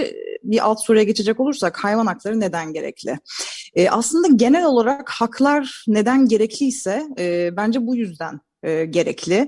Yani birinin e, işte bilinç sahibi, kendi hayatının öznesi olan, kendi yaşamı olan ve bunu sürdürme niyeti olan, çıkarı olan birinin e, aslında çıkarlarını korumak, bedensel bütünlüğünü korumak, varoluşunu devam ettirmek e, üzere bazı haklara sahip olması gerekiyor. Çünkü e, bu hakların e, olmadığı yerde, tanınmadığı yerde aslında bu çıkarlarını ve varoluşunu devam ettirememesi anlamına geliyor. E, ve tabii biliyoruz ki aslında bu hakların yine olmadığı yerde sömürü, kölelik ve hak ihlalleri var. Yani genel olarak hakların olmaması bu durumu e, doğuruyor. Şimdi bugün baktığımız zaman haklardan bahsedebilmek için öncelikle bir e, toplumsal statüye bakmamız gerekiyor. Maalesef bugün insan olmayan hayvanların toplumsal statüleri mal, eşya ve kaynak olarak tanımlanmış durumda. Hem toplumsal olarak hem de yasal olarak. E, yani bugün e, hepimiz biliyoruz ki işte tanık oluyoruz. İşte vegan olmasak bile, hayvanlarla alakalı çok fazla bir fikrimiz olmasa bile e, haberlere düşen haberler oluyor. İşte sokakta bir e, hayvanın uzvu kesildiğinde ya da şiddete uğradığında ya da e, cinsel istismara uğradığında bunun karşılığı olarak e, yasal olarak bir e, yaptırımda bulunulmuyor ya da en fazla e, hapis cezası olmasa bile e, bir para cezası söz konusu oluyor. E, burada yine sahipli sahipsiz hayvan ilişkisi olduğunu görüyoruz. Yani e, aslında yine sahibinin çıkarları söz konusu. Yani e, hayvan burada bir e, birine ait olan bir eşya pozisyonunda olduğu için meta. onun e, şeyinden evet meta olduğu için e, sahibinin çıkarlarından bahsediyoruz. Şimdi bu noktada aslında hakların olmaması demek e, her türlü şiddetin ve e, istismarın toplumda normalleştirilmesi demek. Bu insan olmayan hayvanları yapılıyor olsa bile sonuç olarak yapılan yanlış bir eylem söz konusu. Neden toplumsal meselelerin bir parçası diyecek olursak aslında e, biraz önce söylediğim şeyden ötürü yani e, biz toplum derken biraz daha geniş belki düşünmeye e, bir taraftan da kendimizi teşvik etmeliyiz. Çünkü bugün biliyoruz ki içinde yaşadığımız iklim krizi olsun, bu pandemiler olsun, e, genel olarak e, sadece insanı e, insanın oluşturduğu, kurallarını koyduğu bir e, toplumdan değil, daha çok gezegen üzerinde çok türlü e, bir toplumdan aslında e, bahsediyoruz. E, antroposentrizm belki bu anlamda bizim bakış açımızı biraz daraltıyor e, ve böyle daha geniş baktığımız zaman aslında bu büyük toplumun e, nezdinde oldukça fazla şiddetin üretildiğini, şiddetin normalleştirildiğini ve e, çok türlü bir yapıda aslında çoğu e, türünde e, hakkının görmezden gelindiğini görüyoruz ki bu da aslında e, adaletsiz bir e, büyük bir toplum yapısı getiriyor. E, ve aynı zamanda aslında e, şu anda hani hayvan haklarını konuşuyoruz ama e, gezegenin üzerindeki bütün ekosistemin e, haklarını da bence bir noktadan sonra hatta şimdi bile konuşur hale geleceğiz ya da gelmeliyiz. Çünkü aslında baktığımız zaman e, bugün bütün işte e, kaynaklı kaynakların yani korunması gereken kaynakların dilendiği gibi e, metalaştırılması, kullanılması, yok olana kadar sömürülmesi de e, bir hak ihlaline giriyor ve bu hepimizi etkiliyor. İşte bugün Marmara Denizi biliyoruz ki işte deniz salyasından ötürü artık ölmüş durumda. Hatta e, şey tabiri kullanıyor yani yıllar önce bu ölüm yaşandı artık işte e, cenazesini kaldırıyoruz gibi bir tabir kullanıyor. Aslında bu da yine e, her ne kadar insan dışı gibi görsek de ya da belki cansız gibi görsek de çok e, canlı türlerinin e, bir arada yaşadığı bir ekosistemin haklarının olmadığı için suistimal edilmesi ve e, sonunda da bu şekilde öldürülmesi, yok edilmesinden e, kaynaklanıyor. O yüzden haklar çok önemli. E, ve bizler hak meselesini ne kadar kapsayıcı şekilde ele alır, alırsak aslında yani bütün insanlık olarak e, adalet kavramımız da o şekilde e, bence şekillenebilir. Yani e, baktığımız zaman neden e, insan bile yani insan olmasa dahi e, başkalarının e, da acı çektiği bir yer olsun. Yani gereksiz çünkü acıdan bahsediyoruz. Buna birazdan geleceğiz belki veganla konuşurken ama dolayısıyla daha kapsayıcı, daha ayrımcı olmayan bence bir e, hak ve adalet e, ele alışı bence hepimiz için e, önemli olacak. Çünkü dediğim gibi aslında adaletin tanımını belirliyor. E, biz hep böyle biraz kompartımanlara ayırmaya çalışıyoruz. İşte şunlar için belki hak daha önemli, şu şuların haklı e, daha önemli ya da şuradaki adalet meselesi daha önemli diye belki böyle kompartımanlara ayırdığımız zaman hep böyle bu e, ayrıştırma ve e, daha daraltma yoluna e, gitmeye başlıyoruz düşünüşümüzde. E, ve tabii e, bu kapsayıcılıkta yine hem insanlar için de dediğim gibi bir artı sağlayacak ve genel olarak da gezegenin devamlılığı için de e, bana göre e, kaçınılmaz. Sanırım böyle özetleyebilirim. Evet peki ben de bir tek şunu ekleyeyim. Bu e, haklar tartışması genel olarak ahlak felsefesinde yer alıyor. İnsan hakları önemli bir konu. Orada şöyle bir varsayım var haklarla sorumluluklar bir e, madalyonun iki yüzü gibidir. Her zaman el ele giderler. Felsefecilerin çoğunluğu belki hayvan haklarından söz edemeyiz diye düşünüyor. Nedeni de şu, hayvanların bu haklara mukabil e, gelen sorumlulukları yok. Yani mesela kedimiz e, evde masanın üstüne atladı, oradaki vazoyu devirdi, kırdı. Biz kedimizi bir insanı sorumlu tuttuğumuz anlamda sorumlu tutmuyoruz ya da hayvanları dava etmiyoruz. Onları sorumlu birer özne gibi görmüyoruz. Böyle görmediğimiz için onlara hakları da tanımamamız gerekir e, diye bir argüman var. Fakat tabii bu e, bütün hakların sanki aynı kategoride olduğunu varsayıyor. Oysa evet. e, yaşama hakkı özgürce, eziyet çekmeden, belki acı çekmeden yaşama hakkı çok temel bir hak ve belki bu hakkın bir sorumluluğa bağlanması gerekli değil. E, bu tartışmaya uzun uzadıya gir, Asıl onların bizi sorun. Ama e, böylece e, e, belirtmiş olayım en azından bir dipnot evet. olarak. E, peki buradan hareketle hayvan hakları açısından türcülük e, konusundan isterseniz biraz bahsedelim. Tabii ondan da ben biraz bahsedeyim ama demin Ömer Bey'in söylediği şeyi de duydum onu tekrar e, söylemeden geçemeyeceğim. E, dedi ki asıl onların bizi sorumlu tutması lazım. yani dava etmesi lazım evet. evet yani yapabildiği yaptıklarımıza bakınca e, gerçekten katılmamak elde değil. Türcülükten bahsedelim biraz. Aslında türcülük siz de geçen e, açık bilinç programında biraz girdiniz.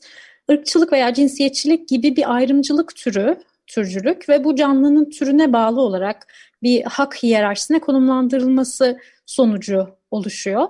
Bazı türler diğerlerinden daha aşağı veya değersiz görülüyor türcü e, görüşe göre.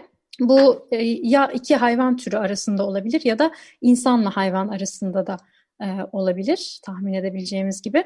E, siz de daha önceki e, Açık Bilinç programında birkaç örnek vermiştiniz. İşte yangın halinde kurtaracağımız e, kim olurdu e, sorusu sormanın bir şekli. Ama tabii bir de gerçek hayatta karşımıza çıktığı şekliyle örnekler verirsek belki biraz daha iyi de anlaşılabilir. Bizim daha çok türlerin yaşam hakkında konuştuğumuz e, şekli örneğin e, daha çok işte kendimizi daha yakın hissettiğimiz ve de e, evcil o hayvan olarak da evlerimizde beslediğimiz kedi köpek veya at e, bizim için eti yenmesi düşünülemeyecek hayvanlar.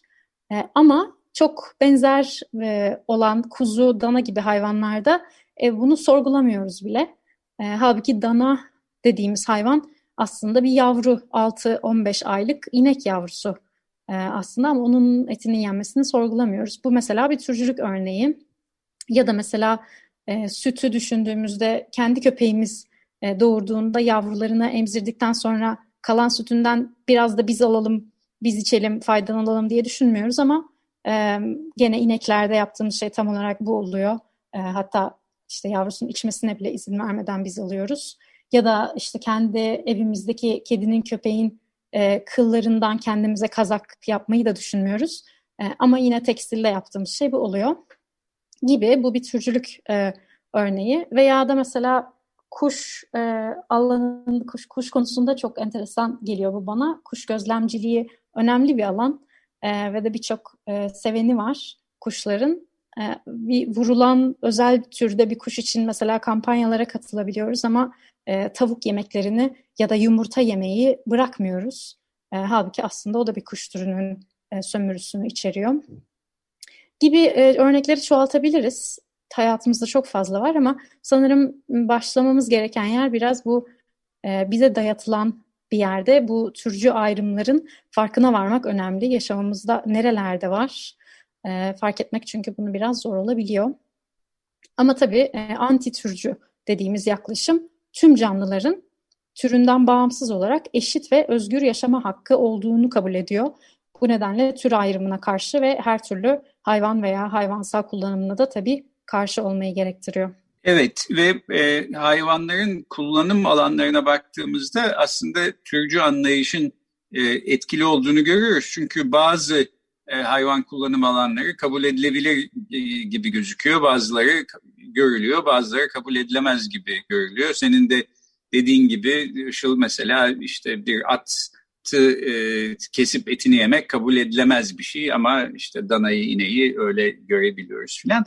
Bu kullanım alanlarının ne şekilde e, görüldüğüne dair de bir şeyler söylemek ister misiniz? Tabii, e, tabii kullanım alanları çok geniş. Bizim ilk aklımıza veganlık deyince beslenme şekilleri geliyor. E, ama işte eti ve süt ürünlerini, e, hayvansalları diyetimizden çıkarmak diye düşünüyoruz. Bitkisel beslenme diyoruz buna. Ama veganlık tabii ki de sadece bu değil. E, hayvan kullanım alanları işte tekstilde olabiliyor, giyim alanında kürk, deri gibi e, mobilyalarda olabiliyor, kozmetik bakım e, ürünlerinde e, ya hayvansal içerik dolayısıyla ya da hayvan deneyleri dolayısıyla olabiliyor. Tıpta ve bilimde yine hayvan deneyleri olabiliyor. E, canlı hayvan ticareti, pet shoplarda hayvan satışı, eğlence sektöründe işte esaret altında olan hayvanat bahçeleri, sirkler, yunus parkları gibi yerlerdeki hayvanlar, e, avcılık bir spor olarak görülüyor. Veya binek hayvanları dediğimiz hayvanlar var, at, eşek, katır gibi. Yani hayvanların kaynak olarak görüldüğü ve üzerinden çıkar elde edilen her alan e, sayıca aslında çok çok fazla. Dikkatinizi buraya çevirdiğinizde gerçekten yaşamın her alanında görmeye başlıyorsunuz. Vegan değilseniz yani hayvan kullanımında bir sorun görmüyorsanız mutlaka bir kabul edilebilirlik sınırınız oluyor bahsettiğiniz gibi sizin de. Ee, mesela vejetaryenlik aslında böyle bir şey. Ben de 15 sene boyunca vejetaryendim. Ee, o sınır vejetaryenler için hayvan eti konusunda e, ya da işte mesela eğlence çok gereksiz e, bir eziyet gibi görülüyor. İşte sirklere gidilmiyor belki ama hayvanat bahçesine e, çocuğumuzu götürüyoruz. Ya da işte tükettiğimiz ürünlerde, gıda ürünlerinde belki gerekli gereksiz ayrımı yapıyoruz. Sağlık için gerekli olduğunu düşündüğümüz e, gıda ürünleri olabiliyor. Bazen de mesela bu sınırı e, hayvan deneyleri konusunda da tıpta mesela e, çekenler olabiliyor. Hatırlarsınız belki Ralph'in videosu çok popüler olmuştu. Kozmetikteki deneyler konusunda e, herkes evet. paylaşmıştı. İşte deneysiz markaları paylaşmıştı. Çok da güzel yani bu konuda farkındalık e, yaratılmış olması. Ama kozmetikte yaşatılan bu eziyetin belki katlarcası bilimsel deneylerde devam ediyor ama bunu konuşan çok az. Ee, yaşatılan acı, eziyet hatta aynı. Ee, belki daha bile kötü bilmiyorum. Ama bu insan için veya sağlık için olduğu için sorgulanmıyor. Ama dünyada bir yandan da hayvan deneylerine alternatif olabilecek birçok bilimsel yöntem e, geliştiriliyor. İşte Deneye Hayır Derneği'ni mesela biz konuk et, etmiştik bu konuları anlatması için. E, yani toparlamak gerekirse anti türcü veya vegansanız hayvanları kullanmanın hiçbir türü kabul edilebilir değil. Yani böyle bir sınır sizin için yok. Hepsi gereksiz. Çünkü hayvanlar bizim değil, mal eşya değil, bizler gibi duyarlı e, hissedebilir canlılar. Dolayısıyla özgür yaşam hakkına sahipler.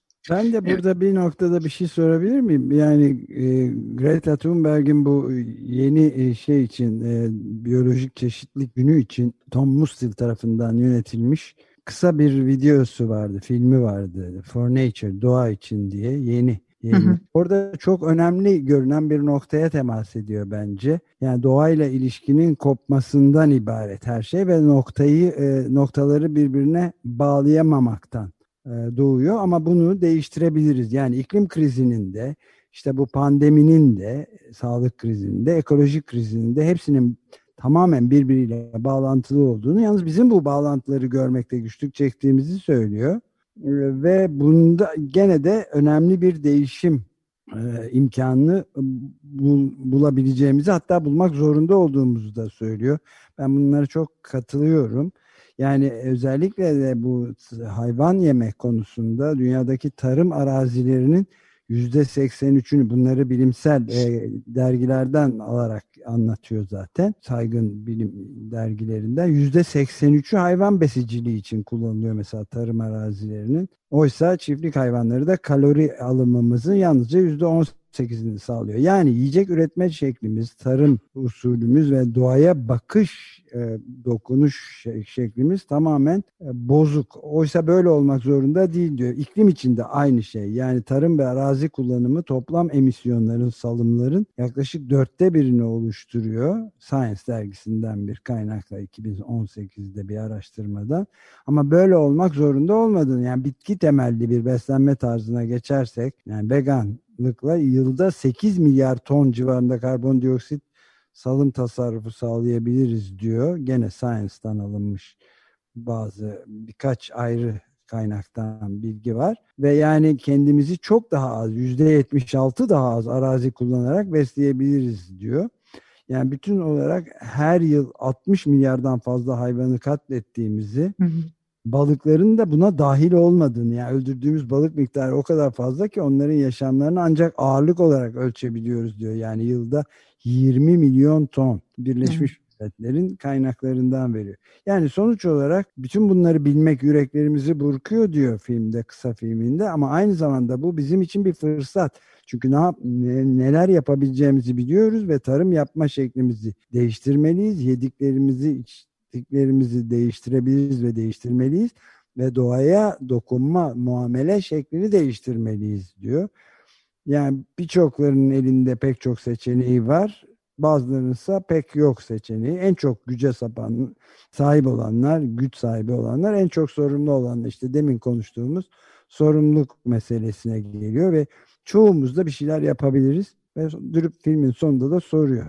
Peki öyleyse siz ne yapacaksınız diye soruyor temel bir etik soru ile bırakıyor. Evet iyi bir soru bence de çünkü iklim aktivistliği de hayvan hakları aktivistliği de sonuçta e, bireysel bir ahlaki duruş e, içeriyor.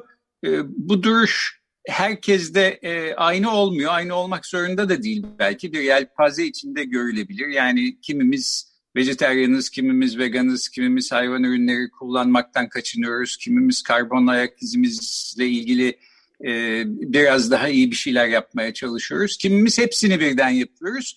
Kimimiz hiçbirine önem vermiyoruz. Bu alanda farkındalığın biraz artması ve herkesin işte bir parça daha e, hassas e, olması e, bence e, atılacak ilk adım gibi geliyor. E, Greta Thunberg de bunu soruyor. Yani peki siz ne yapacaksınız? Evet, ve kabul etmek gerekir ki diyor yani değişmezsek bu noktaları birleştirmeyi başaramazsak e, biraz da ayıp bir kelime kullanıyor. Hapı yutmuşuz demektir diyor aslında. Çok az zamanımız var diyor yani. Evet, o da doğru. Peki programı şimdi bitirirken son kısımda biraz da veganlıktan bahsedelim istiyorum. Vegan olmayan ama olmayı düşünen ama bu acaba ne kadar zor bir şey, vegan e, yaşam stili e, sürdürülebilir bir şey midir filan diye merak eden insanlar için veganlık nedir, vejeteryanlıktan farkı nedir e, ve ne şekilde veganlığa geçiş yapılabilir? Bundan da biraz bahseder misiniz? Veganlık, e, vejetaryenlikten farkı aslında bütün hayvan kullanımlarını olabildiği kadar tabii bazı alanlarda önümüz tıkanıyor çünkü örneğin mesela bir aşı e, konusunda şu anda bir alternatifimiz yok. Aslında veganlık böyle pürist e, ya da e, hani yüzde yüz olmamız gereken bir şey değil, bir oruç değil, bir din değil, bir inanış değil. Aslında e, yapabileceğimiz her alanda daha etik olanı seçmek. E, işte bunun içinde de yediklerimiz, e, giydiklerimiz, e, işte kozmetikler e, ya da bütün bu değişimi yapabileceğimiz ve alternatifinin olduğu bütün şeylerde aslında hayvanlara acı vermeyen ve artısı olarak da işte bir pandemiye daha az sebep verecek, iklim krizinde çok daha az zararlı etkisi olacak bir seçeneği seçmek. Aslında baktığımız zaman herkes için iyi bir seçenek. Yani vegan olmak, bir şey olmak ya da böyle bir uç olmak, böyle garip bir durumda olmak demek değil aslında. Baktığınız zaman hani gereksiz yere bir e, yapılan acı var ve bunun bir alternatifi var. O zaman ben bunu neden seçmeyeyim? E, herkes için de e, daha iyi bir seçenekse. Tabii ki de bu vegan olduk ve her şey, bütün sorunlarımız bitti gibi bir şey de yok. Ya da işte dediğim gibi böyle pürist bir şey de yok. Ama bunu seçebilecekken aslında bunu neden seçmeyelim mantığıyla ilerliyor. Benim buradan hani kendi deneyimimden yola çıkarak e, verebileceğim tavsiye gerçekten ilk başta e, araştırmak. Çünkü bir şeyleri e, bilmediğimiz zaman o konuda e, zorlanacağımızı düşünüyoruz ama e, muhtemelen bu zorluklar daha çok bilmememizden kaynaklanıyor. İşte e, özellikle yemek konusunda bir direnç var tabii ki hepimiz e, tam, e, tahmin edebiliriz. Çünkü iyi yemekle e, psikolojik bir bağımız var, fiziksel bir bağımız var. E, o zaman mesela bu alanda zorlanıyorsak gerçekten birazcık bakalım hakikaten aç mı kalıyoruz? E, bitkisel mutfak nasıl bir şey?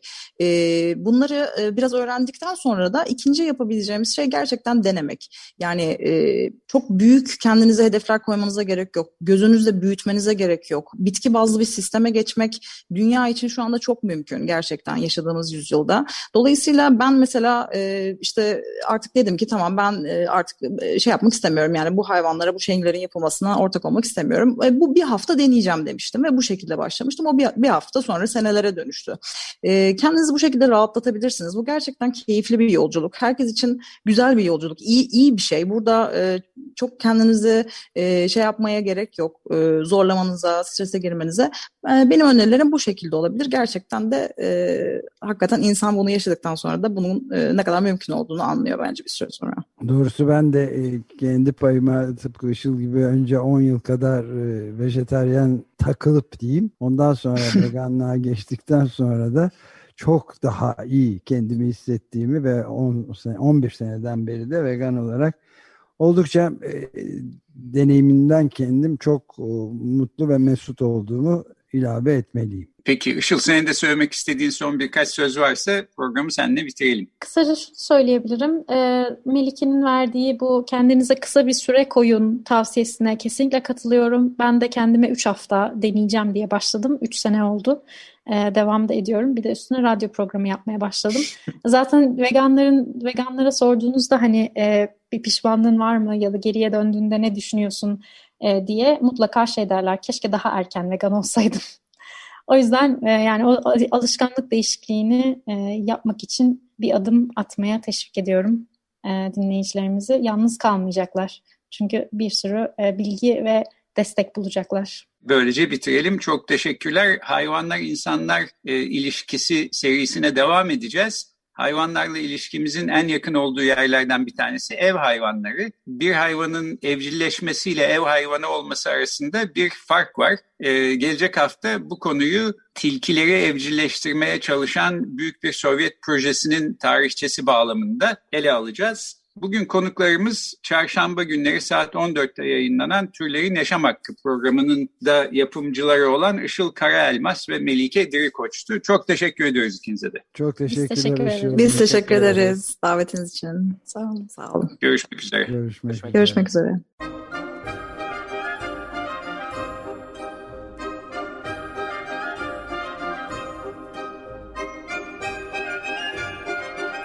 Açık bilinç.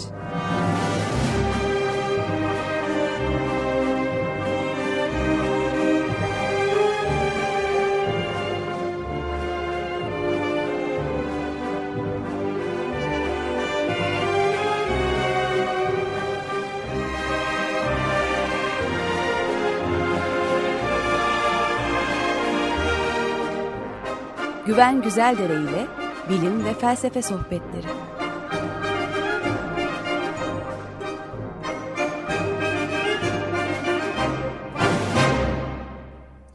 Bu şekilde de Açık Gazete programını bitirmiş oluyoruz bugün için.